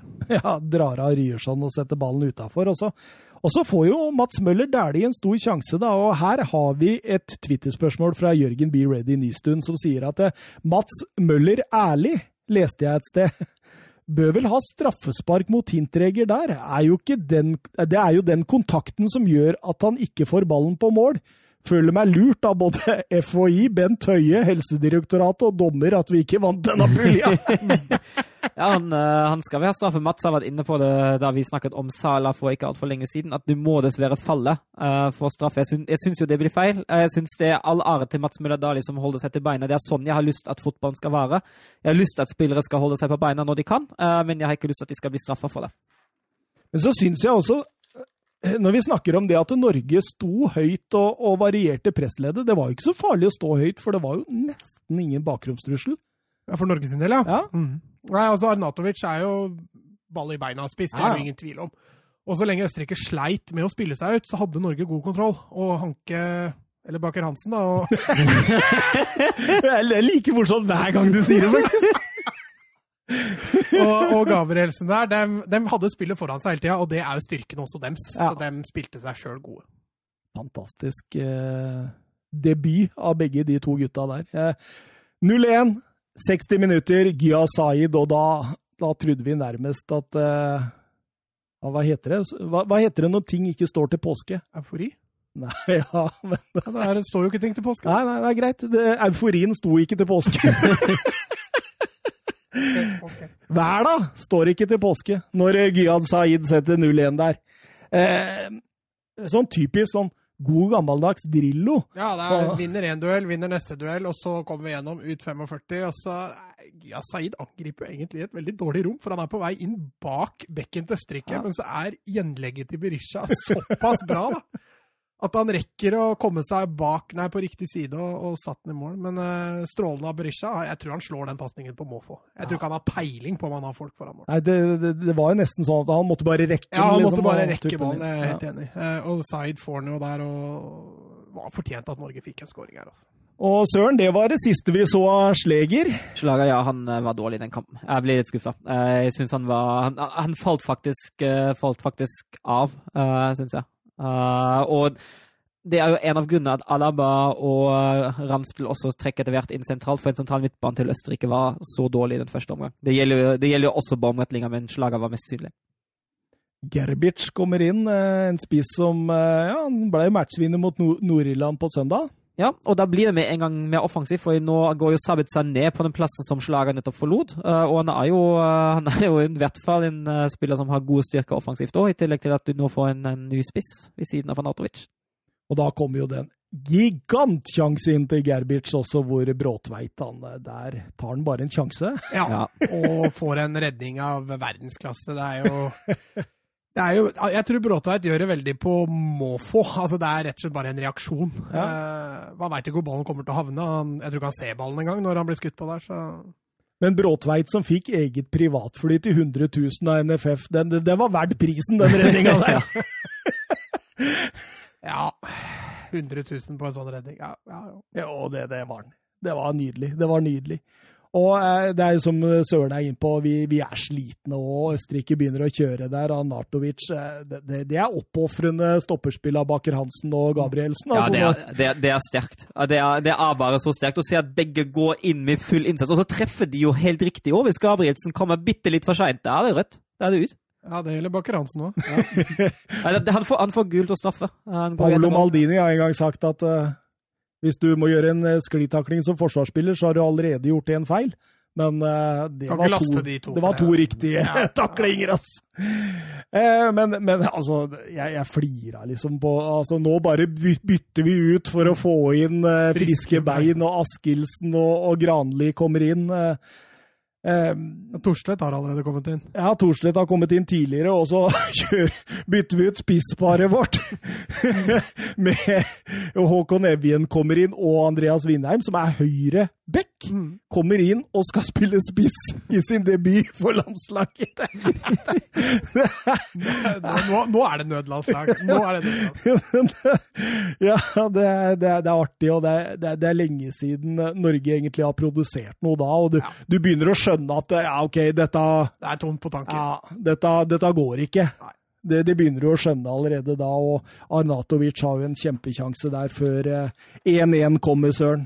Ja, og da er det Alaba igjen. Han vinner ballen. Uh, han sender den videre til Anautovic, uh, som spiller den ut på Garbuc, som treffer ballen godt og legger den plassert i, uh, i nederste lengsthjørne. God avslutning der. Og da var kampen til dette nødlandslaget over. Jeg har hørt det var mange som sa at vi ikke kaller det nødlandslaget, men, men ville kalle det reservelandslaget. Men det er jo ikke reservelandslaget helt, for da hadde det jo kommet spillere fra Rosenborg og, og Molde og, og sånt inn også. Mm. Dette var jo virkelig nød. Det var jo kan du! Mm. Eh, får du lov av klubben din? OK, da tar vi deg med. Det var, det, det var jo nesten noen Altså, kun- Har du enkel reisevei, så er du Altså, det var nesten sånn at vi kunne fått en telefonsamtale, vet du. Nei, fordi de tok ikke med folk som bodde i Norge. Nei, nei, nei, de måtte stemmer hjem igjen i karantene. men hadde vi bodd i utlandet, så, så kunne vi sittet du... med mobiltelefon. Du kunne fort ha funnet noen studenter nede i, i Tsjekkia eller et eller annet som knapt nok har spilt fotball. Men Søren, du, du har vel bare tysk eh, statsborgerskap? Ja. ja. Nei, da, da hadde du ikke fått vært med, Søren. Nei, like så greit. Da hadde du gått inn på Tyskland, da. Nei, for Neuer var deres beste, så jeg tror Ja, men han kunne spilt høyreback. Ja, ok. Trenger et nødlandslag i Tyskland snart. Ja, kanskje det er det de skal gjøre ved neste kamp, eh, Søren? Jeg tror det holder med en nødlandslagstrener. Ja. En nødlandslagstrener, ja. Leif Gunnar Smerud. Resultattipset. Jeg tippa som sagt 2-0, Mats 3-0, Søren 4-0. Ingen får poeng, men den som får poeng av meg, i hvert fall, det er banens desiderte ener, Sondre Tronstad. For en kamp! Er dette Jeg satt og tenkte på det underveis. Er dette den beste debuten på et norsk landslag jeg noen gang har sett? Og jeg kom til svaret ja, det er det. Er, han var jo altså det Som jeg sa til deg i stad, det, det var jo en blanding av Ngolo Kanté og Tony Cross. Det var, det var helt vilt. Ja, altså, Jeg husker jo også debuten til Martin Ødegaard, men det var jo mot Emiratene i en treningskamp i Stavanger. og Han, han briljerte, husker jeg, den kampen. Eh, ikke noe sånn wow, wow, wow, men tanke på motstander, omstendighetene etc., etc. Eh, ellers så er det jo sjelden du legger merke til så veldig sånne debuter, men Sondre Tronstad var altså, det var krutt, altså. Ja, det var helt enormt. Det er min soleklare trepoenger. Jeg har faktisk eh, David Alaba som eh, topoenger. Jeg syns han tok tak. Jeg syns han kom inn eh, sentralt og begynte å styre det, og en veldig god annenomgang. Eh, og så er jeg litt usikker om jeg velger Gabrielsen eller Bakker Hansen, som Nei, jeg landa på Baker Hansen. Jeg. Så da tar jeg Bakker Hansen, jeg òg, faktisk. Jeg syns han var strålende. Og jeg syns han seiler opp til å være Ayers midtstoppermaker Mar- for framtiden. Jeg syns det. Eh, Søren, eh, dine tre? Du, jeg er helt enig med deg. Eh, Tronstad var jo soleklart trea. Alaba var Østerrikes beste, og jeg har han på to. Eh, og Hanke Olsen på, på én, men jeg vurderte flere. Jeg vurderte både Gabrielsen og jeg vurderte også Mats Müller Dali, som jeg syns går eh, eksemplarisk fram som en, eh, som en kaptein, som en kriger. Delvis også som en finspiller. Det var litt kjipt å bare kunne dele ut ett, ett poeng her, syns jeg. Det var flere som hadde fortjent i hvert fall ett poeng. Mats? Jeg er helt enig. Jeg har Baker Hansen på tre. Nei, jeg er også enig med deg. Ja, Ja. ja og han, da. Vi er faktisk ja. helt er helt enige. enige. Oi, oi, oi! Oi. Det er lenge siden! Jeg landa på, på Baker Hansen, ja. Um, men jeg også var uh, Jeg var også innom både Gabrielsen og Ulvestad og Bråtveit. Ja, for all del. For all del. Og, og, og det, nå kan vi jo over til eh, Twitter-spørsmål fra Sander Midtstuen. Fantastisk match av Smerus eh, menn i går, sier han. Hvem mener dere har spilt seg dypest inn i diskusjonen når neste tropp skal tas ut? Ja, det må jo bli to av de, da, som vi hadde med på den lista der. Eh, De, eh, de syns jeg absolutt eh, fortjente det. Og den, det emosjonelle med Dæhlie viser jo det at han bryr seg jo faktisk. Ja. Dette er noe som betyr veldig mye for han. Kudos. Ja, Så han også kunne jo vært med rett og slett kun fordi dette er noe han blør for. Ja, og da tenker jeg altså, da, da blir man kvitt Henriksen og Johansen òg. Perfekt. Det er helt greit, for Dali kan jo spille sentralt, og riktignok i en litt mer offensiv rolle. Men eh, jeg har ikke noe problem med å eh, se for meg ham eh, med i troppen. Og hvis det er lederegenskaper som gjør at Johansen blir nominert, da ser vi at Møller Dali kan, kan lede et lag fint, han òg. Gabrielsen istedenfor Strandberg òg, eller? Ja, jeg syns det. Han er kaptein i Toulouse nå, liksom. Er ligger to, da. Hva er ja. Strandberg-spilleren, da? Rotor øh, Ja, det det. Moskva, Mosko, Marit eller et eller annet. Moskva. Det er kjipt. Men, men øh, Ja, men øh, faller svaret vårt på Hanke Olsen, Gabrielsen, Tronstad og Mats Møller Dæhlie, da? Ja, og Ja. jeg tenker også Bråtveit, egentlig. Ja. Eh, fordi, altså Det har vært mye surr med han, André Hansen om at jeg vil ikke være andrefiolin. Jeg vil ikke altså. Nei, altså det, det, det, det ene er surret. Det andre er at du nå har altså Greit nok å spille Bråtveit i Sverige. Uh, Veit nå ikke hvor mye han spiller der. Nei, han er jo på reservebenken. Ja, han er på reservebenken nå, ja. ja, men altså, nå har vi jo en klubbløs keeper, hvis ikke Nuland har funnet seg noe som jeg ikke har fått med meg. Uh, vi har en klubbløs keeper i, i landslaget nå, og sagt før hva jeg mener om klubbløse spillere på landslag. Det har du gjort, eh, Søren.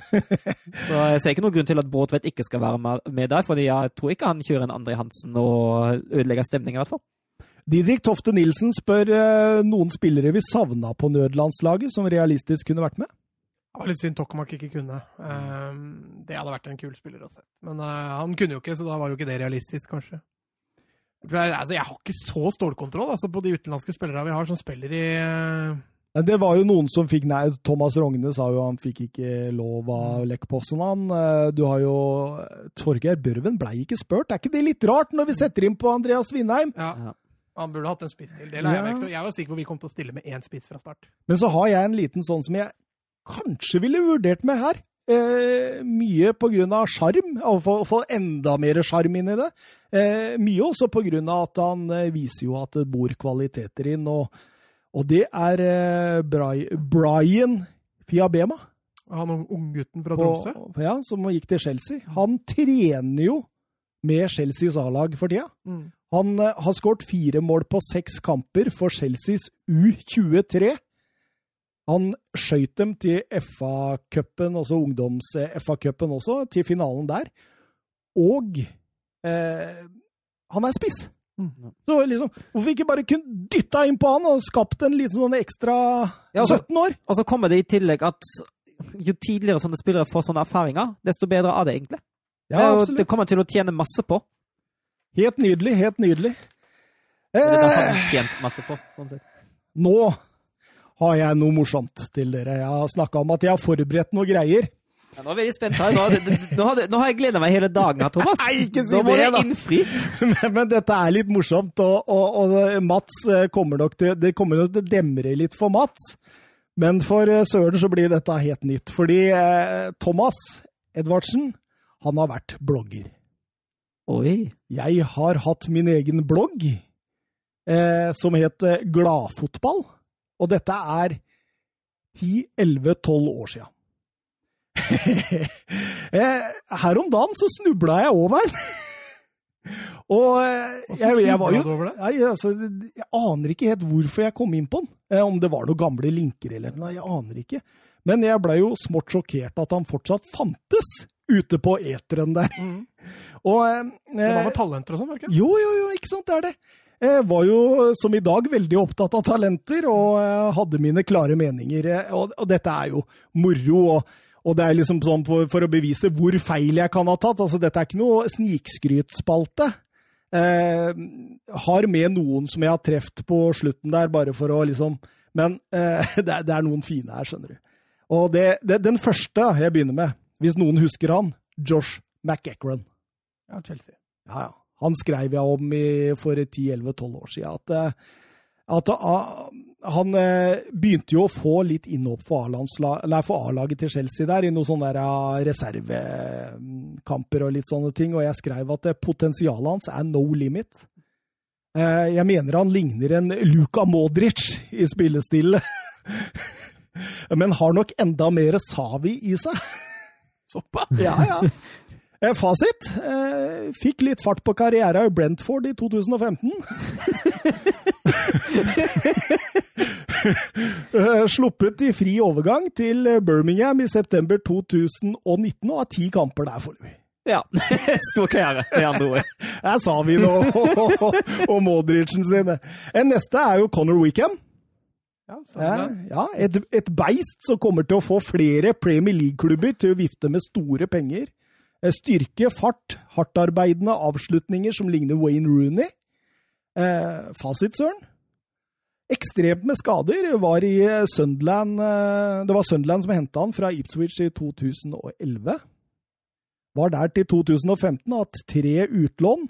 Eh, begynte å løsne litt i 14-15-sesongen og ble solgt til Palace. Der har han elleve mål på fem sesonger og er nå lånt ut til Sheffield Wednesday. Ja. Solid championship-nivå. Husker dere Conor Weekend? ja. Ja. Men han har var ikke lenge siden han var i Palace? ja, han er der enda. Han er bare på utlån i Ja. Eh, Nyen, eh, Juan eh, Manuel Iturbe. Porto? Ja, ja. Eh, jeg skrev jo at jeg, Roma? Roma? Ja, han kom til Roma, vet du. Men jeg skrev jo at eh, en hel verden ble imponert av han i U20-VM-et i 2011. Senket Brasil på egen hånd. Av dette skrev han under for Porto. Og det er en herlig blanding av teknikk, balanse og hurtighet, og en entertainer som kan få samme karriere som Lionel Messi. Fasit, Søren! er du klar? Ja. Han eh, skiftet statsborgerskap eh, fra Argentina til Paraguay i 2016 fordi han var ikke i nærheten av argentinske landslaget. Han har elleve kamper og null mål for Paraguay. Mye utlån, eh, mange klubber. Hellas Verona, Roma, Bournemouth. eh, Utlån, fire kamper, null mål. Torino, for å nevne noen, er nå 27 år, er tilbake i Pumas. Det tror jeg er Mexico. Mm. Men har blitt utlånt videre derfra igjen. Ja, Så dette er en stor, stor karriere jeg hadde. Helt rett. og, og sånn fortsetter det, skjønner du, Mats. Her eh, Juan Agudelo eh, fra New York Red Bulls, er det noen som husker han? Nei. Nei, nei, nei. En meget eh, spennende angrepsspiller. Mange snakker om Freddy Adu. Jeg skjønner ikke hvorfor noen ikke snakker om eh, Agudelo. Ti ganger større talent og vil bli en hit i de største klubbene i Europa. Han var i Utrecht en tur. eh, Fikk eh, 14 kamper og tre mål. Var også en tur i Stoke. eh, Fikk ikke kamper der. Eh, Har stort sett spilt i USA i New England Revolution. Så det Ja. ja og så er det en eh, jeg fikk Jeg har skrevet at eh, jeg har noen kilder i den bloggen i Barcelona. Og det var deg, Mats! Det var meg, det. Ja. Og du tipsa meg om Alan eh, Ebvelle. Ja. Ringer det bjeller? Ja, jeg husker han. Kamerun. Ja, ja. Ja. 15-åring med enormt potensial. Eh, Barca hentet han eh, på råd fra Samuel Eto'o. Hurtighet og teknikk i en herlig balanse og en stor fremtid. Ja, han Det er litt artig, egentlig. Han er fortsatt bare 25 år, da. Så han, jo, han var jo voldsomt ung når jeg skrev om ham, men eh, han blei henta til Valencia. Han fikk eh, sju kamper der på B-laget. Sammen med Dag Alexander Olsen. Ja, og, og seinere var det masse sånne Det det er klubber jeg ikke har hørt om, men IFK Mariehavn var det en liten tur i finsk eh, toppdivisjon. Eh, Men klubbkompisen som han hadde med seg der, Gael Etok, ja. han også var Kamerun. Han avslutta akkurat karrieren sin i Finland nå. Oi, Samme ja. som Bølle. Ja, ja. Nei, så, så, her, her er det masse snacks for de som har lyst til å gå inn og så se. Jeg har uh, Guaido Fofana, jeg har uh, Vukusic, som jeg mener er ny Modric.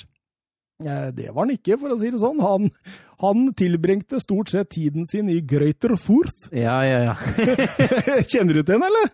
Litt. Ja, ja. Og Lausanne gikk til Olympia Lubliana i 2019 og gjorde stor suksess der. Eller kanskje ikke.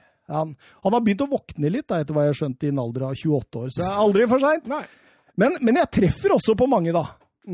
Som Mateo Kovacevic, eh, Kovacic, mener jeg, i eh, Chelsea nå. Mm. Han skriver at eh, han bør Da var han bare 17 år, spilte for Dynamo Zagreb, og jeg sier at han passer perfekt inn i et lag som f.eks. Arsenal og Tottenham. Det er ikke så langt unna. Nei, det er bare et par kilometer unna. Ja, ja. Eden Hazard eh, skrev jeg om. Et monstertalent, ekstrem kreativitet og teknikk, uberegnelig. Vil passe som hånd i hanske for André Vias Boas i Chelsea. Ja. Og han gikk jo rett etterpå til Chelsea, men under Roberto Di Matteos Mm. ledelse. Raheem Sterling har jeg skrevet om. Da var han 16 år. Imponerer stort eh, på A-lagstreningene til Liverpool. Lynhurtig kantspiller som eh, ligner noe på Aaron Lennon eller Theo Walcott. Det er ikke helt feil! Nei, det syns jeg Nei, er greit. Innafor. Og Lukaku drar jeg fra meg som det nye Drogba. Jeg har eh, Morata. Eh, var jo da i Castilla. Mm. Eh, leverer varene der, og eh, jeg sier at han har et enormt potensial. Da Han har jo levert, han, har han ikke det? Ja. I Atletico Madrid òg, syns du det? Nei, kanskje ikke det. Kanskje ikke det. Og ikke Chelsea Du heller. kom på akkord med deg sjøl, da. Ja, men her, her. her, altså, han har jo levert sånn at han har fått altså, her gjennombrudd på plukker jeg spillere fra Castilla, liksom. Han har jo han har fått gjennombrudd i, på god europeisk nivå. Det Ja, har han det, det kan man jo si. Når du spiller spiss for spanske A-landslaget, da Ja, men å skåre mål på Tyskland, det kan jo hvem som helst. Akkurat nå, ja. Filipe Coutinho, enormt god én mot én. En entertainer. Her er det bare å lene seg tilbake og, og avvente god fotballunderholdning på øverste hylle, og det vil han gi oss, skriver jeg. Var han i Inter, da, eller? Ja. Neymar fra Santos. Pelé sa at han blir bedre enn meg. Eh, forteller det meste om prinsen av Santos. Eh, så skriver jeg her at, eh, at det, det kan godt hende det fører til, eh, medfører en del primadonna-rykter. men, men stilmessig ganske lik Robinho. Ja. Var ikke så gærent, det. Nei, nei, nei. Så det Tiago Alcantara, Tony Cross, David De Gea Jeg har eh, mye, søren. ja det er morsomt. Jeg er jeg er veldig spent å se hvordan eh, listen vår ser ut om ti år. Ja, det er nettopp det. Eh, Du treffer, og du bommer. Ja. men, men det var et eller annet til med om deg, Mats, som jeg leste her. skjønner du? Jo, her. Og, og der syns jeg du bomma litt. Nei. Jo, jo, for det står her. Eh, om Tiago Alcantara. Gått eh, La Masia-skolen. Eh, fått noen få minutter på Barcelonas A-lag allerede. Teknisk kreativ midtbanespiller. Som ifølge mine kilder kan minne litt om Ronaldinho. Den fikk jeg ikke helt til å stemme akkurat nå. Jo.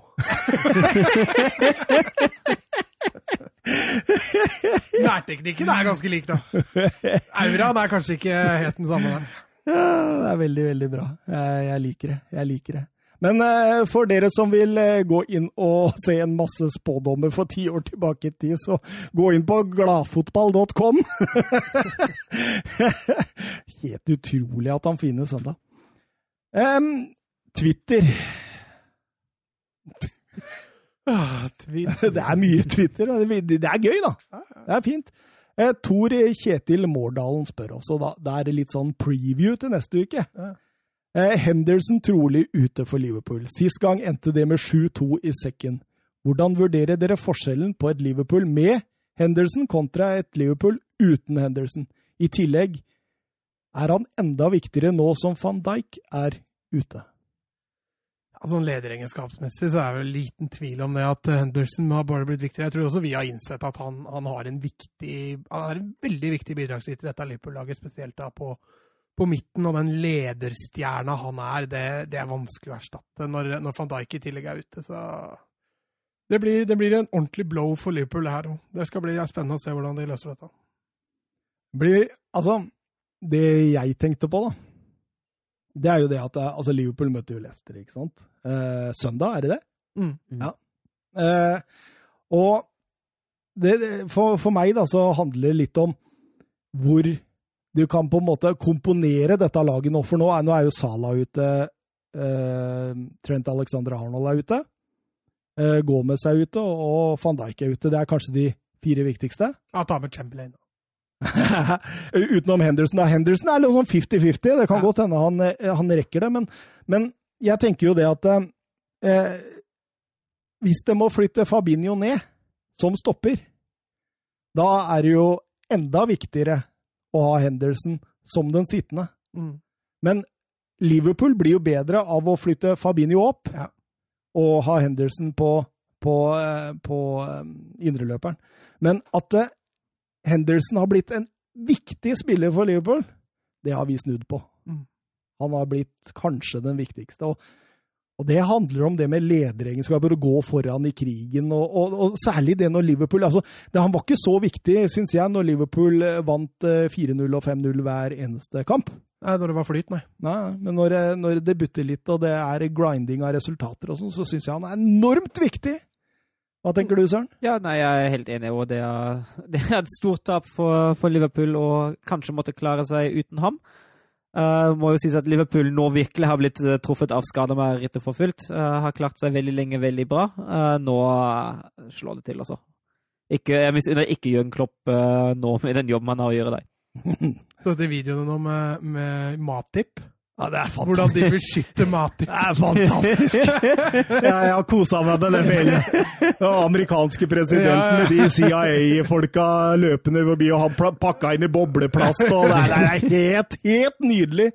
Søker Søke på Matip på Twitter i dag, da får dere en eh, god latterkrampe. Eh, vi fikk også et Twitter-spørsmål fra Anders Hansen. Det, det, det er veldig sånn drodling.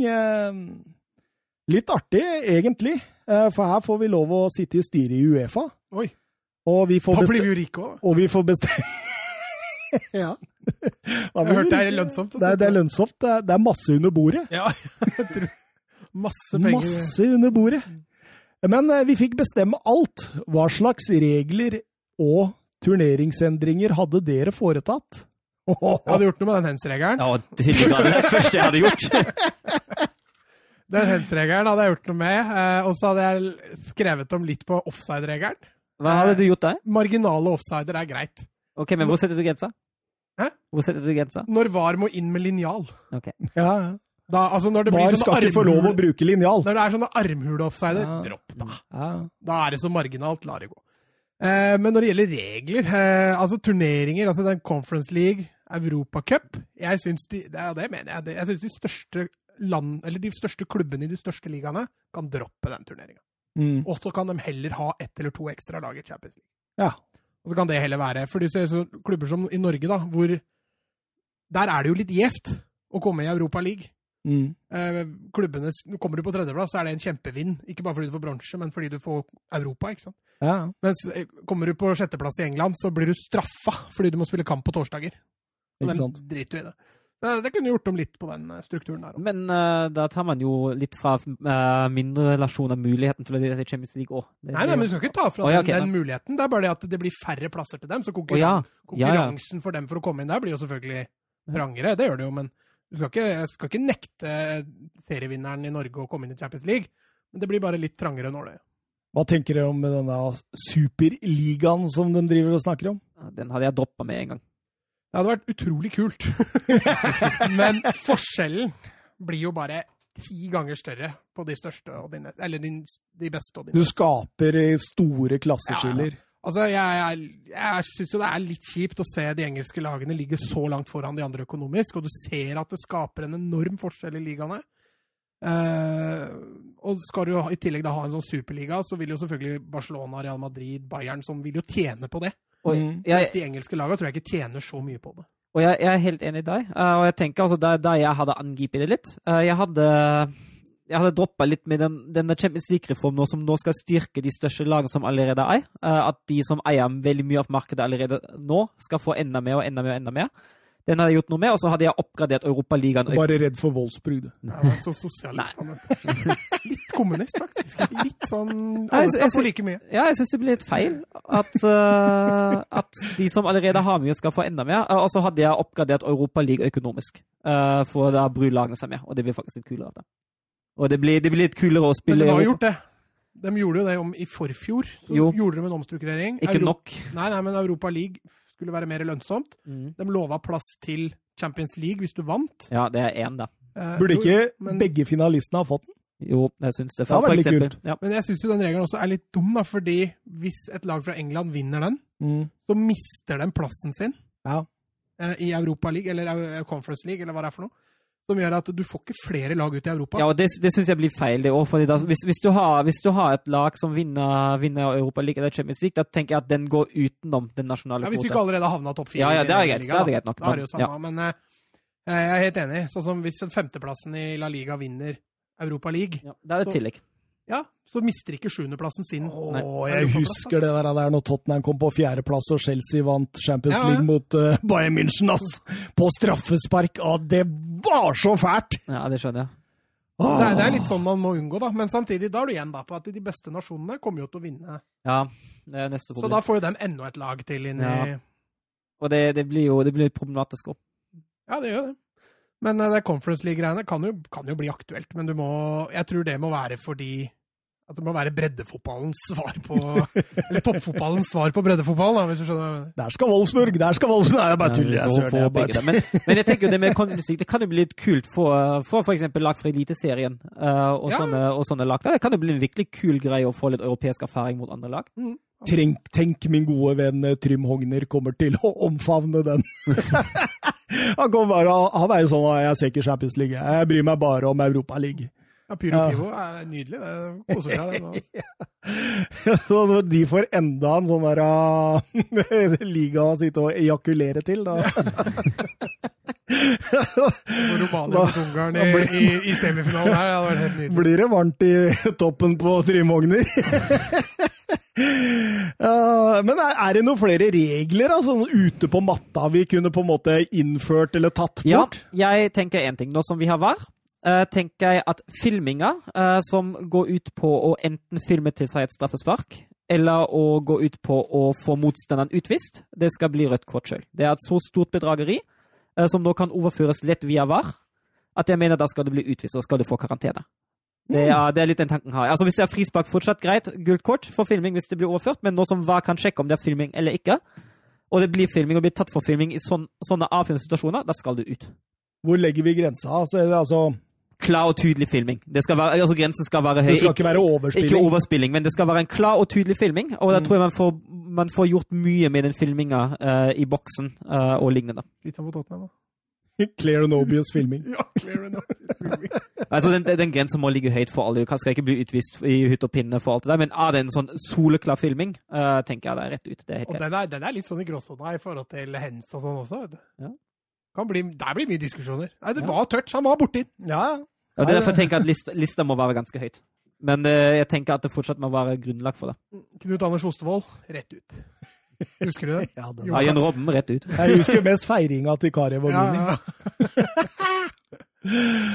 Oi, oi, oi, oi, oi. Har vi kommet Har vi klart å snuble oss fram til ukas talent? Må jeg dra fram stoppeklokka? Ja, det må jeg. Dra fram den, du. Dra fram stoppeklokka for å ta minuttet på dere begge. Eh, Hvem er det dere to har lyst til å begynne? Jeg avslutter dette. Du vil avslutte? Ja, jeg vil avslutte. Jeg kan godt begynne, jeg. Da setter jeg klokka nå! Ja, min Jeg velger min aller første russer. Sergej Pinjajev eh, spiller til daglig i Sjartanovo. eh, Sjartanovo i den russiske førstedivisjonen. Han har slitt litt med skader i år, men har allerede rukket å bemerke seg litt. Eh, Elleve kamper, ett mål, tre assist. Spiller spiss, har, eh, har hurtighet og, og ferdigheter som sin store styrke. Han har også et navn på Hva kalte du alfabetet? Eh, Kurilsk. Ja, riktig. Det tør jeg ikke å begynne på. Jo, Eh, men han prøv, da. født- Prøv, da. Nei, nei jeg, jeg, kjenner jo ikke igjen bokstavene. Jeg veit ikke åssen de bokstavene uttales. Han er født 2.11.2004, som gjør at han akkurat har fylt eh, 16 år. Eh, Han er forholdsvis lav, 1,67, men har som som jeg sa fart og teknikk som sine, sine styrker. De få videoene jeg har funnet av han, så, så virker han som en slags eh, mellomromsspiller. Er litt sånn playmaker. Eh, Samtidig som han også liker å utfordre rettvendt. Eh, Spennende, spennende type. 55 sekunder, Mats. Du, du holder deg. Du, du, det virker som du har innarbeida deg en sånn der ah, fem minutter eh, Nei, fem sekunders Fem minutter. Det er, min, det er matten min igjen. Fem sekunders eh, liksom på en måte Hva heter det når du, når du har en sånn spillerom å gå på? Slingringsmonn. Ja, ja. Slingringsmonn, ja. Skal vi se, Søren han er jo akkurat på minuttet. Jeg starter jeg nå, Søren. Mitt talent er Alejandro Balde, født 18.10.2003. Han er en venstreback, og han spiller i Barcelona. Han spiller også for Spanias U18-landslag, og har fått tre landskamper der. Han var i Español før han kom til Barcelona i 2011. Han uh, fikk fire kamper i uh, Youth League uh, i 1920-sesong, og han spiller da altså for Barcelonas U19, selv om han bare er 17 år. Han er en offensiv uh, venstreback. Han er veldig kjapp, han er dynamisk, han har god ballkontroll og god dribling, og har veldig mange gode offensive egenskaper. Innimellom er det fortsatt litt svakt på det defensive, men han er jo fortsatt ganske ung. Uh, det ryktes også at uh, Firpo uh, skal være ferdig i Barcelona til, til vinteren, og at Balde da skal ta hans plass i troppen i første laget. Hvor har du hørt det ryktet? Det har jeg hørt fra Mats. kan, kan nevne at han har debutert for B-laget til Barca. da. Han det, ja. ja. ja. du har stålkontroll på han? Han sto på lista mi. Han ligner litt på Ronaldinho, si. Ja, det, ja litt på Messi, faktisk. Åh, jeg gidder ikke å sette klokka på meg. Fordi jeg er programleder. Jeg kan gjøre som jeg vil. Mitt talent heter Luka Oyen. Han er født 14. Eh, mars 2003. 17 år. Offensiv midtbanespiller på Genk. Han er født i England av belgiske foreldre. De flyttet eh, dit da faren hans, Davy Oyen, spilte en sesong i Nottingham Forest. Det var 02-03-sesongen. Eh, flytta kjapt tilbake. Forest blei ikke så veldig bra. og uh, Genk har på en måte vært hele hans fotballiv. Han har mange aldersbestemte landskamper for Belgia fra U15 og til nå U19, hvor han debuterte i 2020 med scoring. En eh, høyrefota, elegant, kreativ midtbanespiller med herlig nærteknikk i lavt tyngdepunkt. Og veldig sånn spennende pasningsrepertoar. Litt sånn du Fem føler igjen. Er det det, eller? Ja. Har du tatt det? Ja. Fanken! Uh, se på han som en typisk tier! han har i hvert fall rukket å få sju A-kamper for Gent uh, denne sesongen. Og er uh, tatt opp som medlem av A-stallen. Kan minne litt om Martin Ødegaard. Det var mye, det? Eller var, var det godt over minuttet her? Ja, det blei tolv sekunder over minuttet. Jeg er programleder, jeg kan gjøre alt. da var vi gjennom da, på sånn høvelig grei tid, faktisk. Hvor mye ble det? Passer vel ikke to timer engang, da? Jo. Å ja! eh, neste Altså, det, det er mye eh, godt i helga, altså, gutta. er det ikke City i Tottenham? da? Nei Jo, jo. Spurs.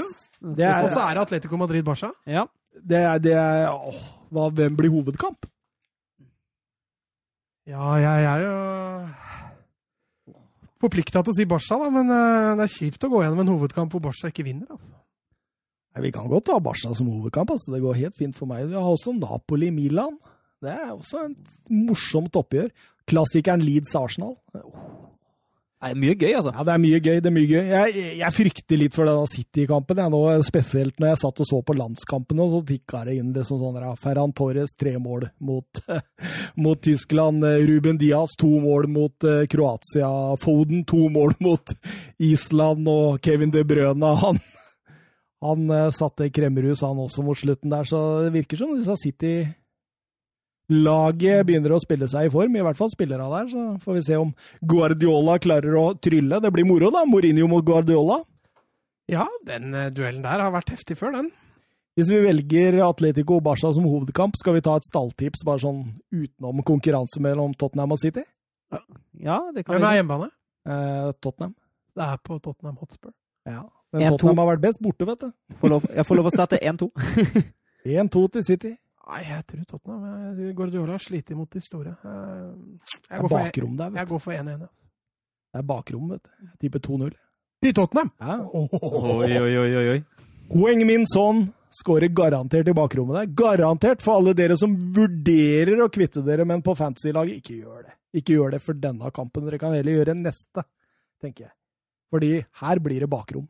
Og Son i bakrom, det er mål. Det er mål. Eh, Kyle Walker tar igjen det, vet du. Det går unna der òg. Ja, det, det gjør det, men Kyle Walker kan også spille bort den ballen etter han har vunnet den igjen. Ja, ja, ja, ja, men da er det ikke bakrom lenger. Nei, eh, Søren, skal du hjem til Tyskland? Nei, til Nei, det er utreiseforbud. da må du i karantene når du kommer tilbake igjen, og det, det er vel ikke jobben klare for å tilgi deg for? Jeg jobber jo bare hjemmefra, men det er mer for min, for min egen del at jeg ikke har lyst til å være i karantene. Jeg kan jobbe like så godt i karantene som jeg gjør i ikke-karantene. Ja, og du Mats, du ser ikke for deg noe karantene du heller? Nei, satser på at det går bra. Det er litt kjipt. Eh, Jobben min er jo ute hos folk, så det har vært kjipt. Har du på deg munnbind og sånn når du møter Ja, folk? ja, eller? Ja. Hansker òg? Eh, nei, ikke så mye hansker, men sprit, håndsprit, det går det mye med. Ja. Det gjør det. Livet ditt har vært mye sprit, altså. Det har det. Altså. Det er mye sprit. Når jeg lukter på fingra hele dagen, så blir jeg full på kvelden. Det er helt nydelig.